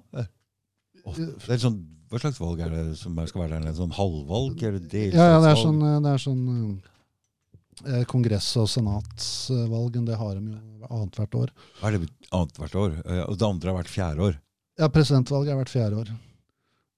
Altså, De har et rart system der, jeg husker ikke om jeg husker detaljene engang. Men de velger jo til Kongressen annethvert år, men jeg tror det er litt forskjellige seter. Så jeg tror de sitter fire år, men altså de bytter ut uh, Jeg skjønner ikke noe. Men det er, det er noe halvvalg. halvvalg for når du begynner å prate om denne massen med menn som ikke har noe å gjøre i hele vestlige verden, for USA hører jo til denne vestlige verden. og ja. det, vi, er en sånn, vi er ikke upåvirka av hva som skjer i USA. Nei, overhodet ikke. Overhodet jeg er sterkt påvirka av det. Ja. Og- og- Er det pga. media? Eh, ja, det er også altså vi, vi, vi overtar jo mange amerikanske saker som overhodet ikke er relevante for vårt samfunn i det hele tatt. er det det. Hele den der, eh, mye av den rasismedebatten for eksempel, er jo bare importert fra USA. Premier League de sitter nå og så kneler pga. det der eh, Ja, altså. greiene der nede ennå. Hva, hva, skal man, hva skal man si? Hæ? Ja, de, de må ta en sånt kne. Og det, det er veldig gøy når, når det, er, det er så lite innlevelse ofte. Det er bare sånn kjapt ned, og så opp. Altså det, er, det, er, bare en, eh, en gest de gjør eh, for eh, Og det var jo det drapet nede i USA. Ja, det var den George Floyd-greia. Ja, Det det begynte, Ja, det begynte jo Det var jo en Jeg vet ikke om du har fått med deg historikken, men det, det begynte jo med han der Colin Kaepernick i amerikansk ja, fotball, Ja, som gjorde Mm. det mens de sang nasjonalsangen. Eh, Ja. og, det, og det å gå ned på kneet i amerikansk fotball, det er jo noe du gjør for å stoppe spillet. Det er en sånn take a knee, det er sånn at du får tak i ballen, og så hvis du går ned på kneet Da kan ingen touch Ja, Ja, ja det er sant. Da stopp. Det er ikke noe Ja, ja, ja. Ja. ja. det setter jeg Jeg tror noe av symbolikken var liksom 'stop the game'. Altså, ikke sant? Nå, nå, Ja, nå, nå skal man bli slutt på, på drap på, på afroamerikanske folk av politi osv. Ja. Eh, og så har det bare etablert seg som en sånn mer eller mindre religiøs lignende symbolsk handling, som bl.a. blant annet er tatt opp i Premier League. Mm. Men uh, det der med å importere amerikanske Eller at vi er uh, påvirka av amerikansk politikk, er jo uh, helt uh, innlysende.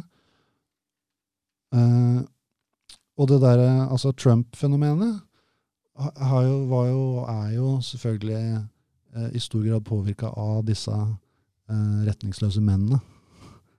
Som, vi, nettopp snakker om. Og Ja, ja. Mye av Trumps greie var jo handla om, om arbeidsplasser.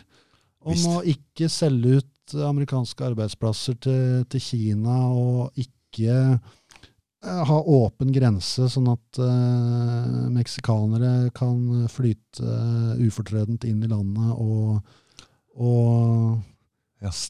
take our jobs, som de sier. På South Park. Ja, ja. Au, eh, så, Ja. Ser du på South Park? Ja, ja, ja. Ikke, ikke så mye nå lenger, for så vidt. Men Nei, ja. det- They took our jobs! Ja, South Park er jo det mest geniale. Ja, det er helt utrolig hvordan de klarer å ta ting på kornet hele tida. Ja, de holder faen De holder på. Holder på, nå, jeg tenkte nå, nå får de problemer etter covid. Det går ikke an å lage det mer absurd enn det, men de klarte å få til noe. De klarte å dra det lenger, men de der, hva er det de Ja, Det var en av episodene jeg faktisk eh, Jeg fikk med meg under covid, for jeg hørte at det her hadde de virkelig dratt på. Så jeg så du den covid-episoden? Ja, jeg har sett Han derre Stan han knuller en flaggermus eller noe sånt. Det er sånn covid hans. ja, sånn, ja, ja, faren til Stan. Det var sånn covid kom til. Ja, de drar på så jævlig. De der- Ja, det der syns jeg er Ja, de drar på hardt.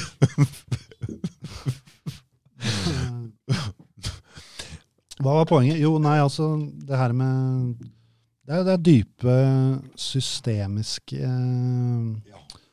problemer i alle vestlige samfunn som eh, som fører til mange av de eh, politiske konfliktene som, eh, Men når, som vi gang, står i. hver gang du er inne og prater om For nå går vi inn i den derre um, For det mm, um, Kina, kommunisme, undergraving av det vestlige systemet um, eh, kolonialisme ikke sant? Og, og, ikke sant? Hvor går propagandaen til for, Ok, så Trump han eller er It's the China virus. Eh?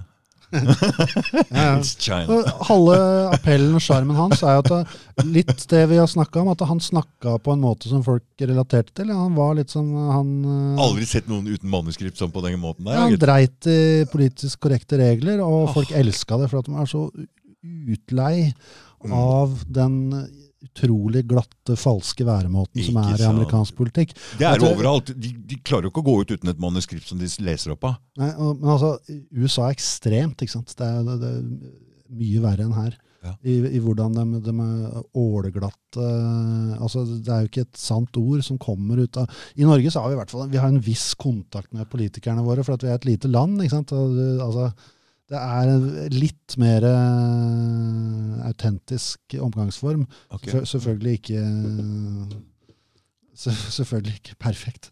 Men eh, altså, amerikansk media, amerikansk politikk, er jo bare altså, ti nivåer verre på alt. Kanskje det kommer hit om eh, ti år igjen. og Det tar jo gjerne litt tid før ting kommer hit til Norge. Mm. Men ja, uansett, eh, jeg er i hvert fall helt overbevist om at det var mye av appellen til Trump i utgangspunktet. Det er bare måten han prata på. Mm. At han dreit i hele det, det spillet. Du prøver å late som at du er så jævla så god og, og moralsk og, og over, over alle andre, på sett og vis. Fordi Ok, så de um, Den um, Det kneet og den Så det kommer fra de svarte har vært slaver, ikke sant? Og dårlig behandla blir blitt dårlig behandla ennå, ikke sant? Så da igjen går vi på den hvite mannen og den kolonialismen og den undertrykking av den svarte mannen og, og, og greier. Og, og undergraving av det vestlige eh, samfunnet på en måte også. Mm, ja. Eh, og er det Kan det relateres til kinesisk og russisk propaganda for å undergrave tilliten til Eller? At Ki- Ki- Kina og Russland planter eh, woke-frø i Vesten, for å, det tror jeg ikke. Nei. Men, men de planter, de planter, de planter virus. Ja, altså, virustanken! Virus, virustanken! Ja, ja. Virustanken. Det, altså, ma mange kaller jo woke for a mind virus.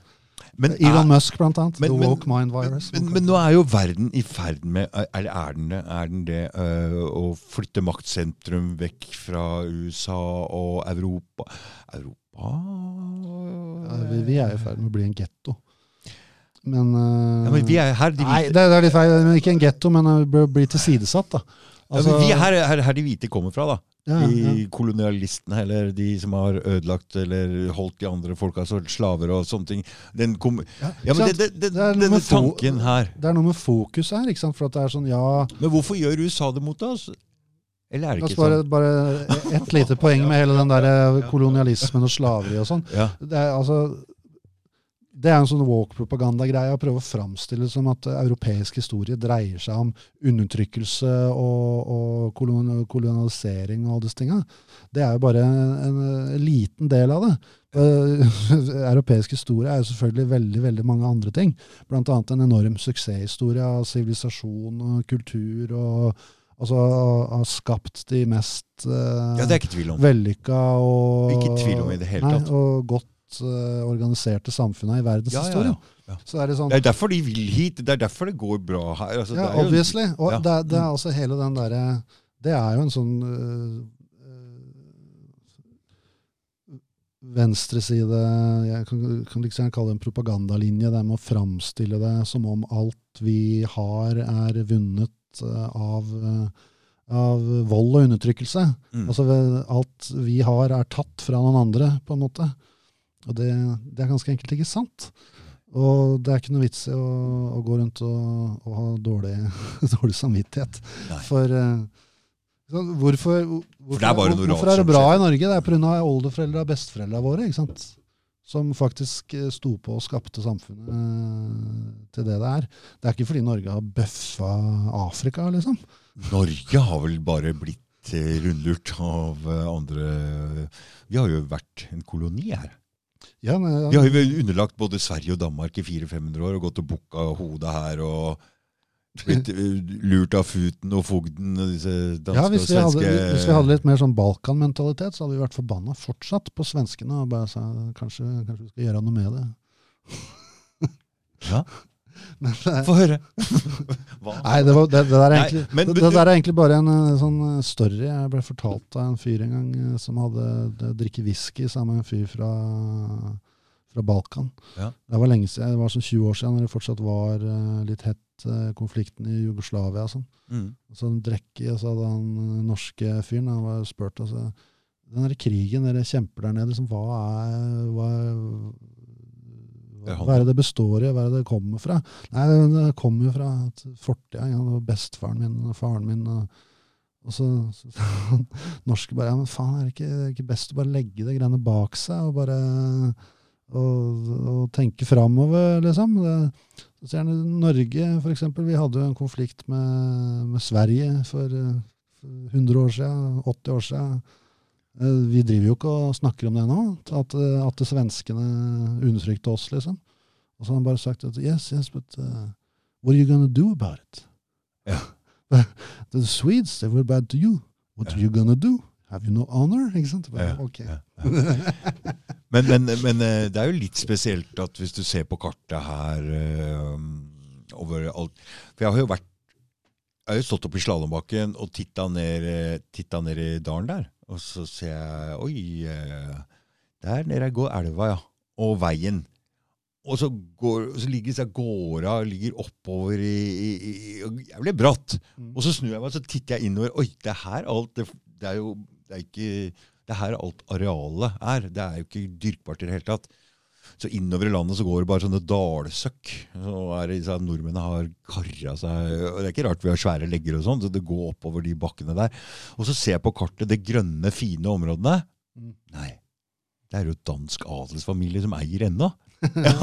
Oi! Jeg bare Hva er dette for noe Hva er dette for noe kan vi, Altså Nå stoler jeg så lite på den norske staten at det kanskje ikke er vits å gi Det er kanskje best at han Løvenskiold fortsetter å eie den skauen her. Så i hvert fall Jeg vet ikke. Ja, Hva er dette for noe Nei, det- spesielle greier? Var ikke vi under Sverige sist og sånn? Eh, Nei, dette er jo eh, historiske detaljer som jeg ikke er, eh, ikke er fullt oppdatert på. Jeg kunne ønske jeg kunne mer historie. Det Kan, kan litt, men ikke, ikke nok. Men eh, norsk eh, Norsk historie har eh, mye, mye fascinerende å by på som eh, ikke er eh, ikke er allment kjent. Men Hva i helvete er vi snakker om nå? Nei, Vi, var- vi, vi var på Vi var på dette med, med South Park? Nei, vi var ikke det. Nei, jeg bare Nei, det var, det var Trump og, Ja, ja, Trump. Mm. Trump og politiske strømninger. Nei, bare la den være. Eller ta den bort hvis du vil. Ikke kjøp.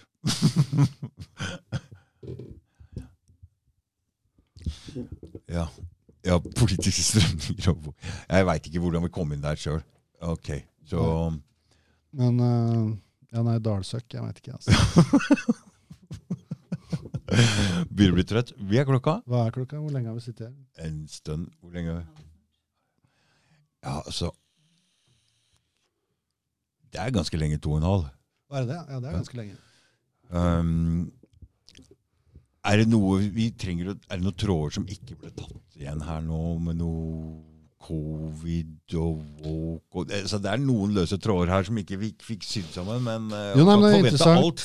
Det, vi merker jo, altså vi har hopp, hopper jo fra sted til Ja, sted, men ja. vi merker jo at det er enkelte det, det, det er noen tråder som, som gjentar seg Mm. på litt sånn rare måter noen ganger. Sånn at jeg begynner å snakke om liksom, ja, hva betyr å ha en filosofiutdannelse. Ja, nei, jeg vet ikke. Det er noe papir man har Mm. som, som plutselig peker tilbake til der vi plutselig begynner å snakke om unge menn og utdanningssystemet og på en måte hva som ligger i sånne det, ting, ting henger sammen på veldig, på veldig rare måter eh, ofte. Det var vi ikke snakka om i det hele tatt, var jo hele den Ukraina-pakka. og Ikke at det er noe stort behov for det. Jeg har skrevet litt om det, men det, Hva tenker du om det? som- Fordi Nei, egentlig så er det jo øh, den, den mest aktuelle saken øh, som foregår rundt oss. På en eller annen merkelig måte så har det, har det dabba litt av i det siste. Det var plutselig Mm. en liten stund øh, var det snakk om, øh, mye snakk om atomkrig, og bare nå går det til helvete. Og så bare, så bare gikk Det var Nord Stream og alt det greiene der, og så gikk Ja. lufta litt ut av ballongen. Men, men jeg, jeg satt akkurat og tenkte litt videre på den Nord Stream. Altså, hva det egentlig innebærer nå, betyr framover. For nedi bakken under vannet her så ligger all kommunikasjon, all dataledninger og alt sånn ligger nedi her nå. Nå er det plutselig Ok, så de har begynt å touche det som ligger under vannet mellom land. Her ligger det mye, ass. Mm. Her ligger hele internetten. Her ligger alt mulig. Så det de egentlig har vist oss, det er at ok, her går det an å Dette er sikkert ikke siste, siste, Siste ledninga de sprenger. nei, siste tingen som blir som, For de har plutselig gått over en uh, ja, hvem, hvem gikk ja, over den? Nei, ja, hvem altså, jeg- har argumentert for at USA sto bak den sprenginga, Uten at man kan være sikker på det. Nei, Og altså det er liksom En annen ting. Altså, jeg skrev en sak om uh, Nord Stream. Nord Stream, hvordan man skal si det på norsk. mm, Som eh, stort sett gikk på å, å plukke fra hverandre en hel haug med innlegg i Aftenposten.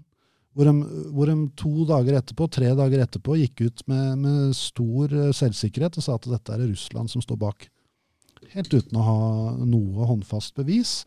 Ingenting annet enn deres magefølelse og påståtte eh, jeg tror Kanskje en av dem som påstod han hadde en eller annen kilde i Russland, men altså, det var ikke noe det var, det, var, det var ingenting annet enn Dette må jo være Putin. Fordi hvem andre kan det være, på en måte? Altså bare, hvem andre kan det være? bare se litt på historisk bevis, og bare se litt på hva amerikanerne har sagt om Nord Stream. Da, bare så, så kort tid til som et halvt år siden.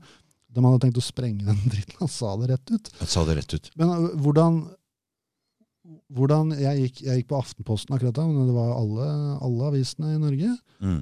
Bare gikk ut på mer eller mindre bare stadfesta at her har Putin gått inn for å sprenge sin egen rørledning for å vise at han, han er kapabel til det. Altså det, var, det er så absurd Mm. at uh, Kanskje han gjorde noe absurd, gud veit. Kanskje han er gæren, liksom. Men det er den eneste måten at, uh, at han kan, kan stå bak også det. så langt unna Russland som det gikk an å få blitt, eller? Helt nede ved Danmark. rett ned, altså Det er jo Hvis han kunne Ja, du vet, hvis, Svenskene skulle etterforske dette her, og så etter, etter at de øh, øh, var kommet litt i gang, så gikk de ut og sa at eh, de kom ikke til å offentliggjøre resultatene. Tyskland òg, ikke sant? Samme. Ja, ja. Å nei, hvorfor ikke det? Fordi svaret var ikke det folk flest kunne ønske seg. Gud veit. Men det, det er så skeivt uh, framstilt, hele den konflikten, at det er jo At det er til å bli gærna, egentlig. Ikke sant? Det blir det samme igjen. Det blir helt skjevt. Du, Ja, jeg, jeg spurte han der i derimot, han Knut Linder spurte du, jeg, for jeg kunne ikke skjønne hvordan Tyskland kan ødelegge sånn jævlig for seg sjøl.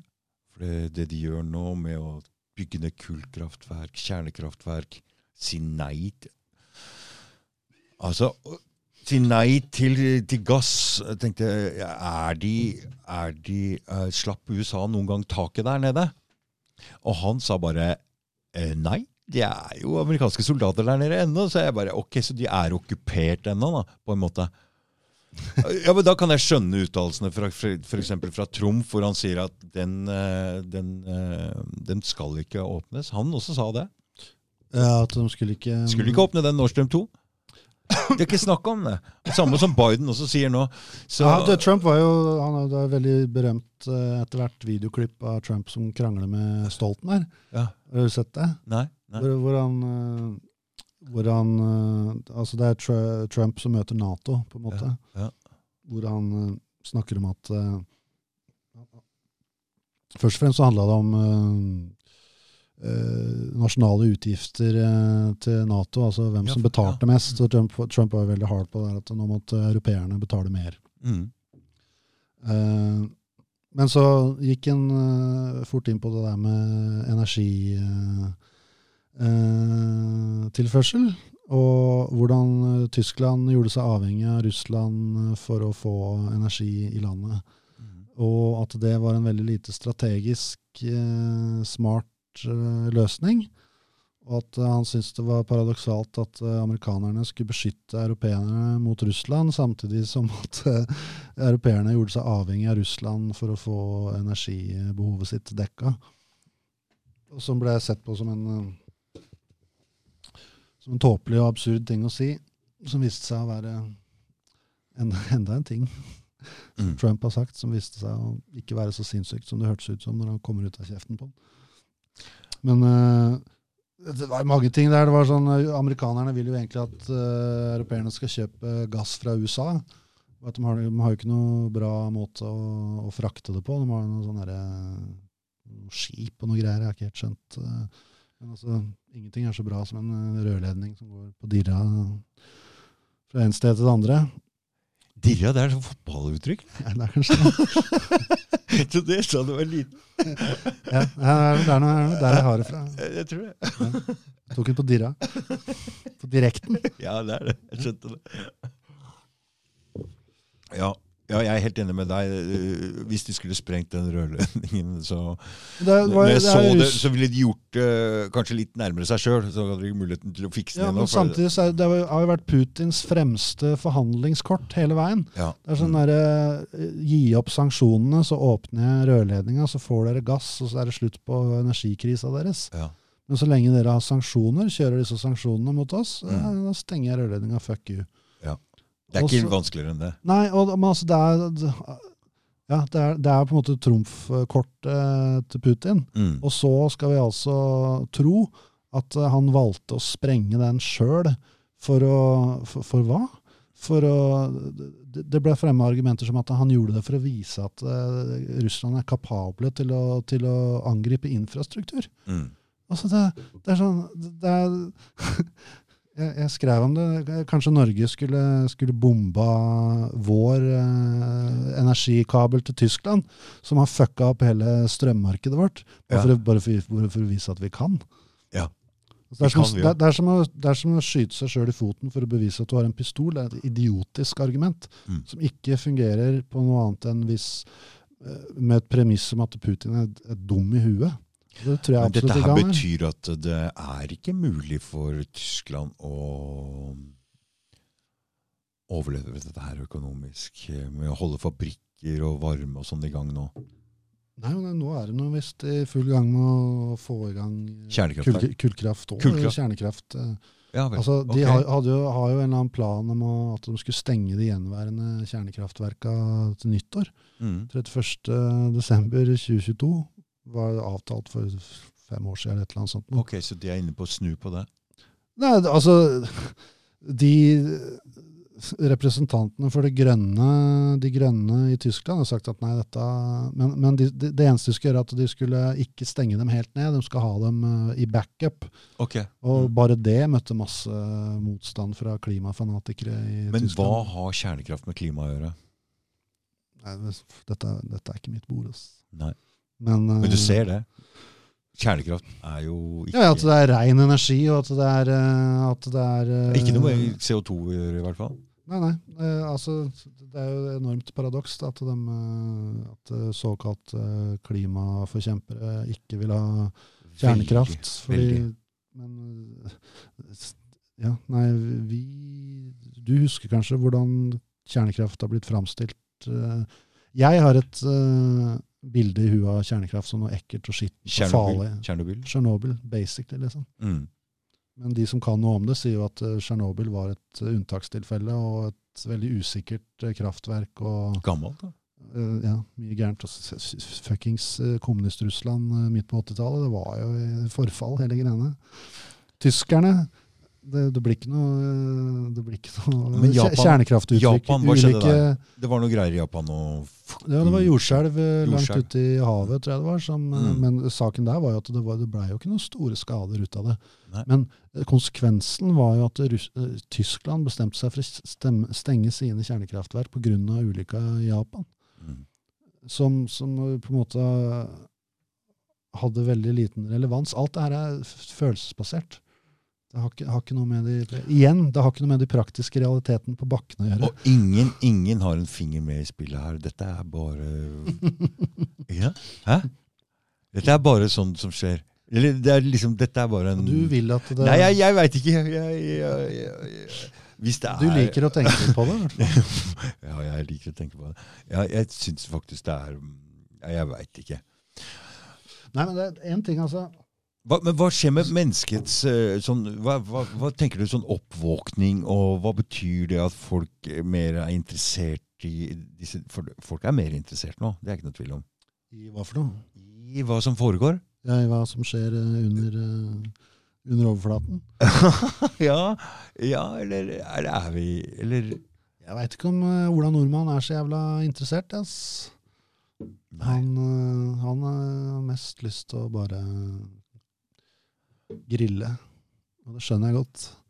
For det er mye fetere å grille enn å drive og sette seg inn i hva faen Kina planlegger for eh, vestlig sivilisasjon, eller hva Verdens økonomiske forum eh, har for noen slags eh, Ja, men Hva er mennesket? dystre planer for uh, okay, så hva er um, Så hvis Trenger man en befolkning som bryr seg om ting og har lyst til å sette seg inn i ting og forstå ting? Trenger man det?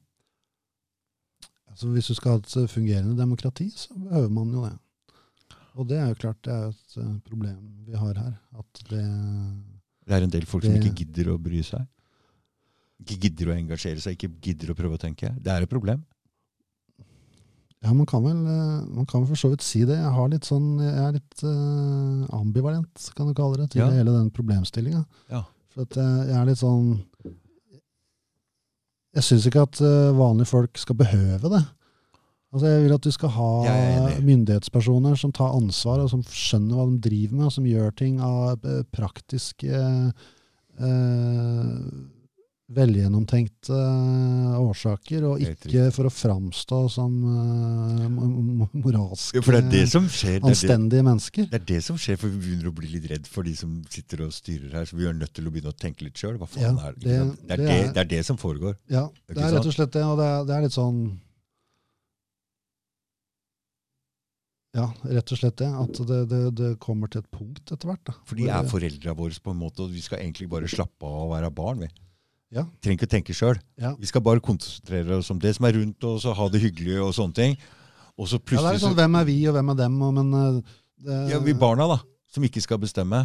Nei, men eh, det, det er i hvert fall noe i det at uh, man er nødt til å ta litt tak hvis man er misfornøyd. Mm. Og Og redd for at dette går gæren vei. Ja, ja. Og at uh, Men det, hva skal man si? Kjenner jeg blir litt ullen i huet.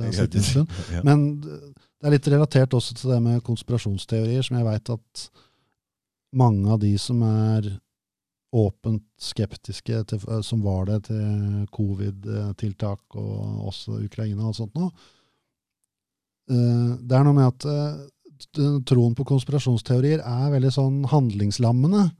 Fordi man skaper seg et bilde av at eh, det er så store, sterke krefter som er i sving, at det er jo ingenting det går an å gjøre. Mm. Så at da, da, da blir man jo resignert, da.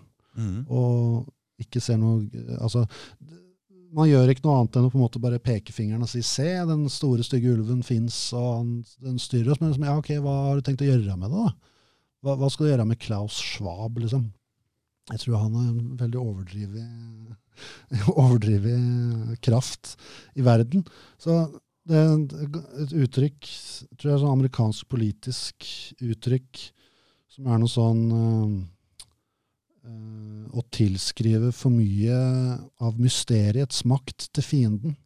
Men, men han, Altså, å, å, å tenke at, at, at fienden er en så stor og altomfattende kraft at, eh, at det, er ikke noe å få gjort med det. Og det tror jeg ikke det er. Egentlig så er det bare Du har noe, noe litt eh, Noe litt uh, veike Ureflekterte, fjerne folk som styrer. Og et, hvis et fungerende samfunn, eh, så vil folk med litt tak ta seg sammen og erstatte dem. Ikke med noen revolusjoner, bare, bare, bli, ja. bli valgt. Det er en god jeg, jeg, likte, jeg likte, Den likte jeg. Den er ok. Så det lønner seg alltid å ta en, en Å velge seg noe å tro på som er eh, mest eh, fornuftig. Altså Ja. Som er best for seg sjøl. Ja, altså, bare sånn strømkrisegreier. Hva, hva, hva, hva var årsaken til strømkrisa? Ikke sant? Det, og der ble det også masse eh, konsensus blant de store avisene om at det er bare pga. Putin og, og sånn. Det var bare piss, det er jo ikke det. Det er, det, det er norske politikere som har fucka opp eh, den viktigste infrastrukturen i Norge gjennom dårlige avtaler som de ikke har tenkt gjennom. Du har blitt lurt. Er det kanskje blitt lurt litt av Statnett? Det er jo en sånn greie. ikke sant? Statnett som tjener mest på, en av de som tjente mest på den avtalen ved å kunne selge strøm til firedobbel pris. Men det sånn, dette her er, det er ikke en konspirasjon, det er inkompetanse. Det er, det er politikere som enten ble smørt, eller som bare ikke Som var forleda av klimasak, eller altså et eller annet sånn moral, Hadde- moralsk eh, hadde du noen politiker, ungdomspolitikere på skolen din når du var uh, ung? Ja, sånn som kom eh, på besøk og Nei, nei som, liksom, du, som du visste Å, ja, ja, hvem var? Som du visste hvem var? Ja, det, det er en annen sak også. Uh, ja, ja, det hadde jeg, og det, det er Men hvis du klarer å pelle ut han i klassen din som var politiker, liksom, hvem, hvem var det? Var det den mest Var det de kule folka? Var det de sosiale folka? Jeg tror jeg veit hvor du vil, og jeg er enig med, med deg. Hvem, hvem er Hvem er ungdomspolitikeren? Fordi du må nesten starte tidlig for å komme deg opp i hierarkiet der. Ja, og hva slags, hva slags menneske er det som drives til å holde på med det? å driver med det der når du er ungdom? Jeg er ganske døv. Oh my god, ikke sant det er det? Og det er kanskje det det må bli en slutt på. Da. ja, et, ja, ja, for vi kan ikke ha de dårligste folka der. Nei, eller i hvert fall det er kjedeligste, mest konforme, mest Ikke sant, Som eh, ikke er ikke, ikke Fordi Ja. ikke sant? samme Hvem gidder å drive med den dritten der når du er ung? Ja, nei, det, det er virkelig Er du ikke enig? Ja, det er virkelig merkelig. Der skjønner du. Fordi jeg også veit noe liksom Jeg var politisk interessert som okay. Ungdom, men Mm. jeg, jeg had- tenkte ikke et sekund på å bli med i ungdomsparti. Ja, ok, Så jeg har en, jeg har en, har en venn- kompis, jeg, Han eh, begynte i musikkorpset, men jeg veit hvorfor han begynte i musikkorpset. På grunn av at det var damer der. ja.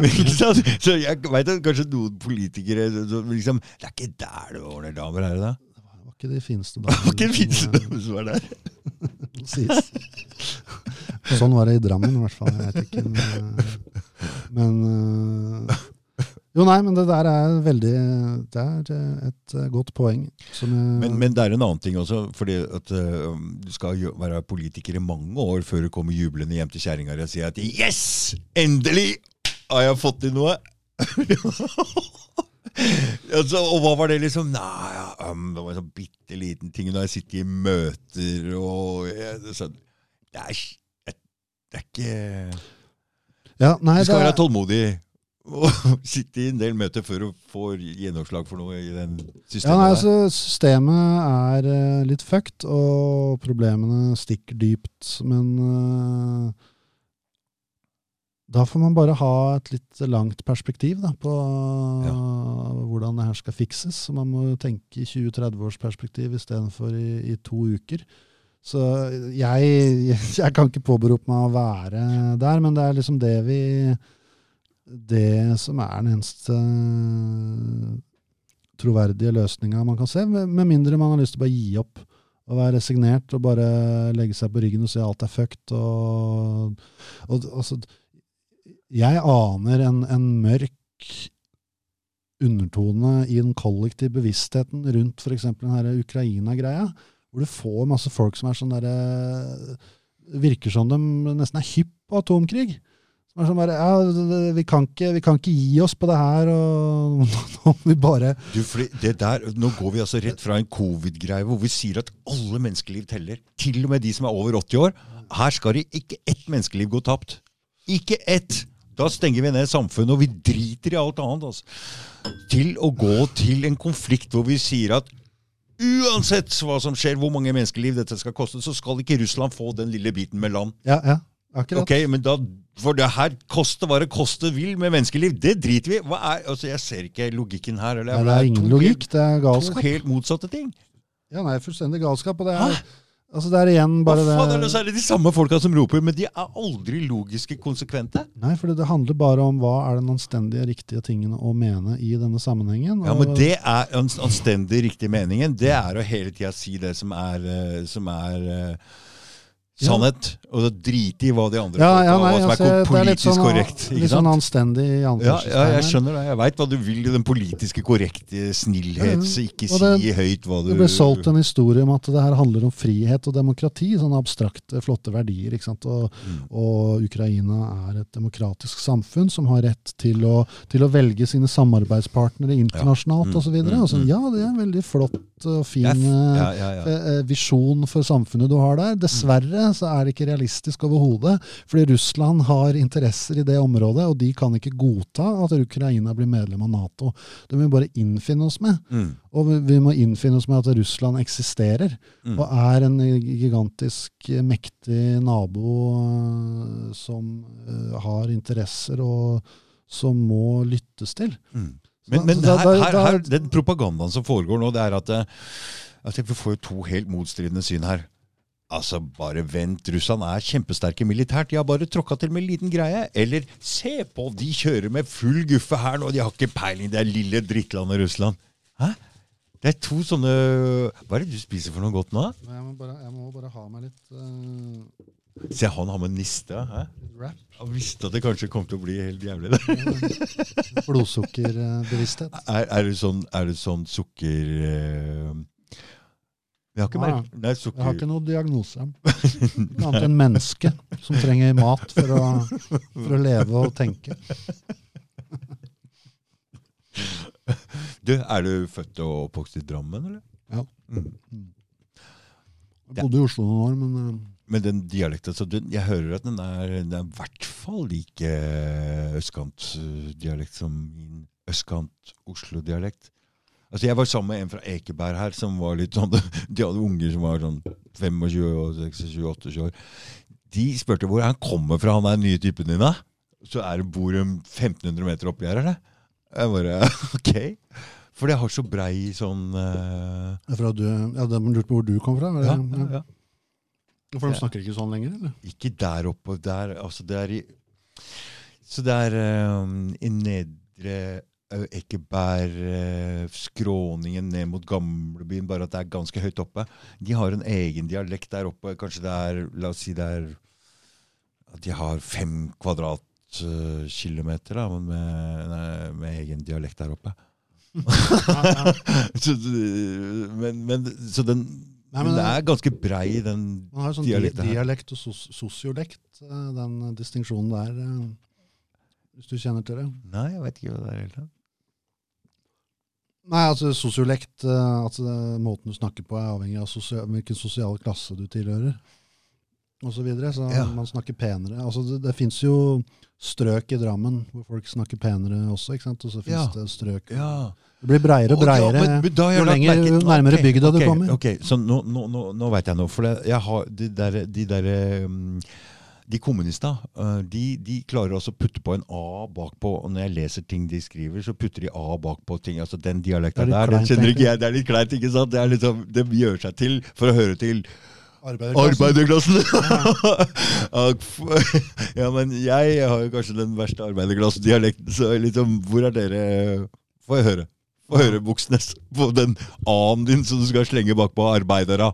Eller arbeidere Ja, jeg veit ikke helt hva, hva Moxnes faktiske sosiale bakgrunn er. Han kommer fra den kanten som jeg sa. Han kommer fra opp der oppe på det toppområdet der oppe som har den fine dialekta. Ja, altså, godt, er en god gammel vits om eh, det der med at eh, ledelsen i liksom, sosialistbevegelsen ofte var eh, fra penere strøk. Ja. Og det er, sånn- Derfor så bommer de på, de bommer på dialekt, egentlig. ja, litt, altså, Man kan si at det er en positiv ting at man vil henvende seg til eh, arbeiderklasse, eller såkalt vanlige folk. Men er liksom når man skal begynne å geite seg til og, og, ja, og slenge på A-endinger Ja, jeg hører eh, det. Ja, altså, alle, ja, kan alle høre det? Det, det, det er ikke autentisk, og da blir det Det er Sånn du snakker til barn. Da. Hæ? Det er sånn man snakker til barn. Ja.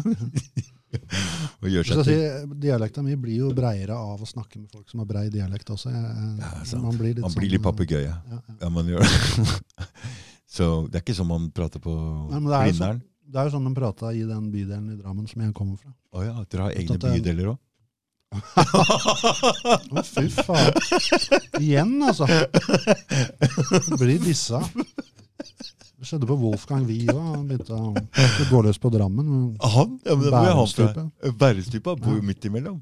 Der er jo ikke Jeg sa hva er Bærum? Så det, er ikke, det er bare ei stripe langs åsen. Det er ikke en by. Nei. Og Oslo er et forfalt, dekadent sted. Det er ikke, ikke lenge før du er nødt til å rømme.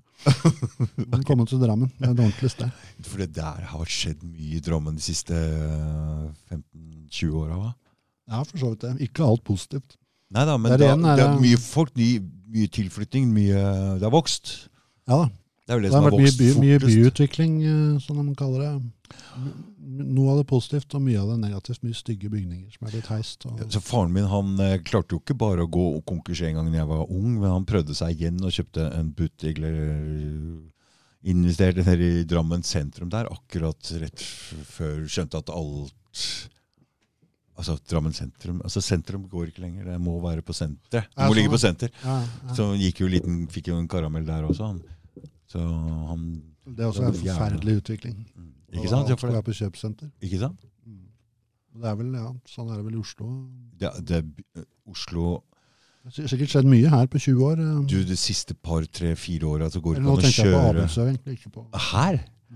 Her har det blitt en sånn eh, Her eh, Før så fikk du sånne lengselsfulle blikk hvis du kjørte på bakhjulet med motorsykkel. Hvis du prøver på det nå, gjennom eh, på, bare på, opp på Enbakveien her, jeg ser det rett før de ringer politiet. Okay. ja, det var, var det sånn råne... Ikke rånegreier, men altså det er det har liksom, Det her var ikke noe bra sånn strøk før. Det var jo, Vi vanka jo på her og der og røyka hasj overalt her. Men nå så koster disse leilighetene her som sa, dette er naboen her skal ha. Ikke sant? Mm. Det er, så det er blitt litt sånn, det, det er ikke noen blokker her. så det er liksom sånn, Jeg ser de har senka fartsgrensen. De gikk og demonstrerte de ute på Enbakveien er, nå er det vel 40 og 30 bortover. Har de tatt bort busslommer? De vil ikke ha trafikk oppe her i det hele tatt. Det er, altså det er, øh, men, men, jeg, men jeg tenker på Oslo sentrum. Den, den, den, der har det skjedd noe Der er ikke folk lenger, omtrent. Går ikke an å kjøre bilene der, i hvert fall. Nei, det er jævlig pes, i hvert fall. Jeg gruer meg til jeg skal kjøre ut av denne byen. Ut, ut. Ja, men det er, nei, det er rett ned i tunnelen og pst. Ja, akkurat hit det var ikke så vanskelig å finne. Nei, faktisk, men nedi i byen der jeg Det, det er bare hvis du Fordi GPS-dama Når du kommer til sånne ting som tar tredje avkjøring i rundkjøringa Ja. Hvis du da plutselig fucker opp og tar andre eller fjerde, ja, ja, og så er du på vei ut et eller annet sted ja, ja, men sånn er det med en gang du kommer inn i storbyen. Det er- vanskelig. Storbyen er en uting. Folk må, folk må, Men- men mange alt, alt må desentraliseres. Og det gjelder i makro- og mikroperspektivet. Mindre, mindre samling av folk på et sted, mindre makt samla på et sted. Mm. Folk, For det alt folk må bli sånn- bygdefolk. Folk må bli bygdefolk, ja. Med egne dialekter. Ja, det òg. Men de blir jo ikke det hvis de flytter ut. Da, men kanskje Det blir fort det. Ja, barna deres i hvert fall. Hvor mange er det som bor i Drammen nå? Eh, altså, vi hadde jo en kommunesammenslåing hvor Mjøndalen og Svelvik ble eh, inkludert i, i Drammen kommune. Ja. Veldig kontroversielt, fordi verken Svelvik eller Dram Mjøndalen har noen ting med Drammen å gjøre i det hele tatt. Nei. Men etter det så blei ble det vel 150 000, eller 120 000 eller noe. Ok, så det er ikke så Men Drammen, liksom bykjernen, eller det som egentlig er Drammen, er sånn 70 000-80 000. De drabantbyene, eller de blokkene rundt der, for det er sånne blokker rundt der òg, ikke sant? Uh, ja, at det er da boligblokker. eh. Drabantbyer, eller? Er, Altså, det er vel heller, Drammen er vel heller en drabantby enn at Drammen en Drammen har drabantby. drabantbyer. Altså, oh, ja, ja. Du sa bydeler i stad, så jeg ble usikker. ja, nei, vi har jo bydeler. Fem, Bydeler, by, fem bydeler. Liksom. Ja. Fordi det det er et sentrum, og så er det Men det gjør Drammen til en av ganske stor by i Norge? Ja, men altså, det, som sagt, det var jo den her kommunesammenslåinga Ja. som er Altså, jeg prøver ikke å rape inn i, inn i mikrofonen her. Eh, nei, det var altså Sånn gjorde de med hele Norge, vel. Det var sånne unaturlige sammenslåinger av, av nærliggende kommuner for å gjøre det lettere organisatorisk. Eller, Du tenker på Viken? Ja, ja, nei. Viken også er et sinnssykt prosjekt. jeg prøver å Hvorfor liksom tok de de to største fylkene og slo sammen dem? Oh God, jeg skal se, jeg liksom gå på Finn da, for å se hva jeg skal handle. Liksom skal jeg ta med Viken og liksom, Jeg vil ikke reise så langt. Ja, ja, ja. Men, men altså, Viken, den er svær, altså. Halvannen million innbyggere i Viken. Ja, men den går jo helt fra Altså Buskerud var jo allerede det største fylket Jeg tror det var det største fylket i Norge, mulig Finnmark er større. Men jævla svært fylke, i hvert fall. Masse skau og fjell. Og så skulle du slå det sammen med Akershus og Går det helt gud opp til. Kongsberg og helt ned til Vestfold på en side? Det- Nei, mye lenger opp enn Kongsberg. Det er helt opp til Geilo. Geilo, ikke Ja, ja, det er opp til Dovrefjell, liksom. Det er jo Buskerud Det er nesten hele øst... Ikke, Nå fucker jeg opp litt, men rundt Og eh, Det var på vidda. Altså, og helt ned til svenskegrensa ved Halden og Ja, nei, Gud veit hva de har tenkt. Nå skal de jo løse opp dette her. eh. Men det var nå de fylkessammenslåingene, altså disse bysammenslåingene, når du fikk eh, ja, Drammen sammen med Mjøndalen. Mjøndalen og Svelvik, som er liksom to steder med unik identitet. I hvert fall Mjøndalen. mm. Vet ikke om du har noe forhold til uh, omegn her, ja, men uh, Nei, altså, jeg vet jeg kjenner jeg snakker breiere bare å tenke på Mjøndalen. De snakker enda breiere enn Ja, det, det, det er liksom det, altså, Er det en Oslo-dialekt som har blitt enda breiere enn det jeg prater om, som fins i Mjøndalen? Nei, men det, bare, det, skjer, det skjer små endringer for hver, eh, for hver by. Mjøndalen er litt breiere enn liksom eh, Hva betyr breiere? Ikke breiere Oslo-dialekt, eller hva breiere hva da? altså, ja, Etter hvert så, så forandrer jo det bare definisjonen av breihet. Ja. Og det, er bare Ord begynner å endre seg. ikke sant? Altså Hokksund er en litt annen greie. altså Hok Kongsberg har sine egne små ja, Men alt, ja, alt er varianter av den østlandsdialekta, eller sånn eh, altså Oslo-østkant-dialekt, på en måte. Mm. Eh, det eller dialekt, som det også heter. Jeg, jeg bytter litt på. Jeg, jeg, jeg Det er der jeg ligger noe midt imellom, ja. ja, jeg, har ikke et, uh, jeg har ikke en stabil identitet. Men uh, det er et fascinerende fenomen, eh, for så vidt, uh, Mjøndalen-Drammen, som, som er litt relatert til det vi snakker om. At eh, Mjøndalen er en De har jo eget fotballag. Ja, de faen meg, de var jo i Tippeligaen. Eller i Eliteserien, eller hva de kaller det nå for tida. Nå er de vel bare i første divisjon. Men det, det er en, en kommune Var en kommune på det er vel 20 000 innbyggere eller noe sånt nå. Og det er en eh, påtagelig annerledes vibb, følelse, stemning, kultur i Mjøndalen Mm. enn i Drammen. Du liker Mjøndalen, du? Ja, jeg liker Mjøndalen. Jeg liker, eh, jeg liker de rurale områdene. Jeg ville ikke bodd der, Nei. men eh, jeg liker stemninga. Det er en folkelig, litt sånn du liker løssluppen Men du, liker, du vil at de skal være Mjøndalen? Du vil ikke ha dem med inn i Drammen? Nei, altså jeg tror mange mjøndølinger heller ikke ville inn i Drammen. For altså, det, eneste, det eneste som skjedde, var jo at man eh, det, det, det er en forandring på papiret. Plutselig en dag så våkna man opp, så var eh, Mjøndalen en del av Drammen. Betyr det at Men, nei, det- det er eh, jo- makta eller Det Masse sånn piss eh, skjedde som at eh, kommunen skulle måtte flytte kontorer til Mjøndalen. Altså Drammen kommune skulle ha så og så mange uh, arbeidsplasser. Uh, i, I Mjøndalen? ja, i, sen, ja, Men de som jobba Det må jo ha vært noen som jobba der som bodde i Mjøndalen fra før. De måtte jo vekk, det da? Eller? Det, må jo, det skal jo være Nei, det var mer sånn at la oss si, kulturavdelinga i Drammen kommune hadde alle kontorene sine i Drammen sentrum. Så plutselig ble det sånn at eh, nå måtte de ha halvparten av kontorene sine i Mjøndalen. fordi at det var en sånn den type ting. Det var sikkert mange andre rare sånne strukturelle byråkratiske Skulle de ikke ting. effektivisere som minske folka, eller er det for å få flere folk i jobb inn i Jo, nei, det, det er jo et uh, åpent spørsmål, det greiene der. Ja, For de vil jo ha flere folk opp på kontor og opp Motivasjonen bak alle disse sammenslåingene var jo at uh, det skulle bli mer effektivt på en eller annen måte. Men eh, det, det, jeg veit ikke om de har sagt opp noen, for å si det sånn. det, Nå som ja, For det er færre og færre som utdanner seg til fysiske altså folk, Nordmenn vil jo ikke ha fysiske yrker. Så da må de inn på kontor. Og jeg tviler på at de kommer til å si altså Det er jo et fint sted å oppbevare folk i kommune, kommunale Ja, nei, det er jo en ting med sånne steder som Mjøndalen og Hokksund. og Det er jo steder som historisk har litt mer arbeiderklassebefolkning. Og hvor eh, de samfunnsforandringene kommer til å treffe Er det en sånn eh, mannlig befolkning som er farlig der? Mellom 19 og 40, var det det du sa? Ja, altså, de, de er ikke farlige nå, vil jeg påstå, men Nei, altså, det er men- potensial der. Og Dette bør woke-bevegelsen egentlig sette litt eh, øyne på. Ja, men det woke-bevegelsen gjør i stedet, er jo å framstille dem som farlige rasister. Ikke sant? For å sette det på spissen, da. Ja. Alle sånne, hvis du er en øh, hvis du er en bygdegutt som liker bil og burger og, og kanskje ikke bruker alle de riktige orda, fordi du aldri har vært opptatt av det og ikke skjønner hvorfor i helvete du skal forholde deg til øh, noen idiotiske Ja. føringer fra, fra hovedstaden, Ja. så blir du framstilt som en, øh, som en farlig øh, potensiell fascist. Så det er nok å gjøre for den avisen, da, kan du si, hvis de går på sånne undercover-oppdrag rundt omkring i Bygde-Norge når folk har drukket og, Ja, og har med seg en sånn Du veit sånn som de der gjorde nå for å avsløre disse bak Facebook og ja, ja. ja, Ikke sant? Så har med deg kamera, du har med deg, så lurer deg inn Så hvis du hører noen si N-ordet, liksom, så, Ja, så, så, så får du sikkert til det.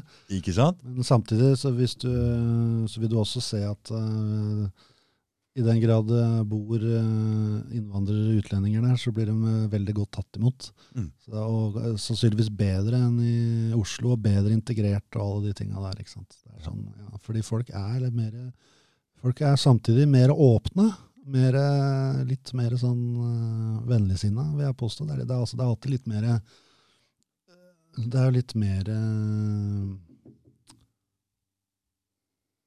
så, sosialt fellesskap på en måte på et mindre sted. Mm. Fordi folk eh, er, kjenner hverandre bedre, og det, altså, det er mer samhold på sett og vis. Mm. Jo mindre sted det er, jo ja.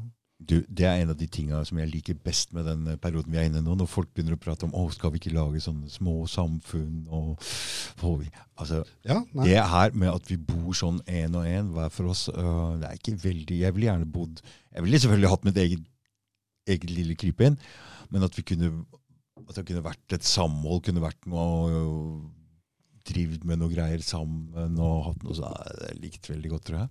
Ja, det er jo en av, en av løsningene folk ser for seg. I stedet for at man skal forandre hele det politiske systemet, så er bare, bare lage en innhegning. Innhegning, ikke sant? Gjerdet rundt. Ja. Private. Inne er det veldig hyggelig. Hvis du prøver å komme inn ja. Nei, gud veit. Skal ikke behøve det heller, men uh, Tanken er litt tiltalende for meg. Altså det, hvis det hadde, klart. Hvis du kan leve av å lage podkast, f.eks., så er det greit. Men et av problemene her er jo selvfølgelig arbeidsplasser. Skal du ha et Mm. fungerende samfunn, så må folk ha et sted å jobbe. Mm. Hvis du bor i Hokksund, så må det være en fabrikk og helst tre. Ikke sant? Mm. Eh, eh, eh, Hvilket som helst sted, da, men 10 000-20 000 innbyggere. Du må, ha, du må ha et sted å jobbe utover, utover eh, gamlehjem, Nav og kafé. Mm. Du skal gjerne ha noe industri Mm. hvor uh, unge menn uh, De må ha fri energi, da. Hæ? Nei, jeg sa ikke noe. Nei, vi, må, ha lave, vi må la, ha lave strømpriser i Norge for at uh, vår industri skal være konkurransedyktig med verden. Alt henger sammen. Jeg vil ikke snakke til deg om det, men uh, siden jeg er sånn konspirasjonsteoretiker, så tror jeg liksom litt at ok, så det fins oppfinnelser med fri, billig energi. Ja, pakka der, ja. Ja, for det har vært du, At de har undertrykt eh, EU. ja, de, de vil at det skal være dyrt og vanskelig. Hvem dem på? Hva for noe? Hvem dem? Eh, ja, det, er- ja, nettopp. Det er ja, dem, vet du. Eh, dem. Jævlene som prøver å ødelegge alt. Jævlene, ja. Nei, skal vi bare vi oss, ja. Ja, jeg tror vi må gi oss. Gi oss. Gi oss. Jeg gir meg. Jeg gir oss. Takk, det var hyggelig. Takk, takk.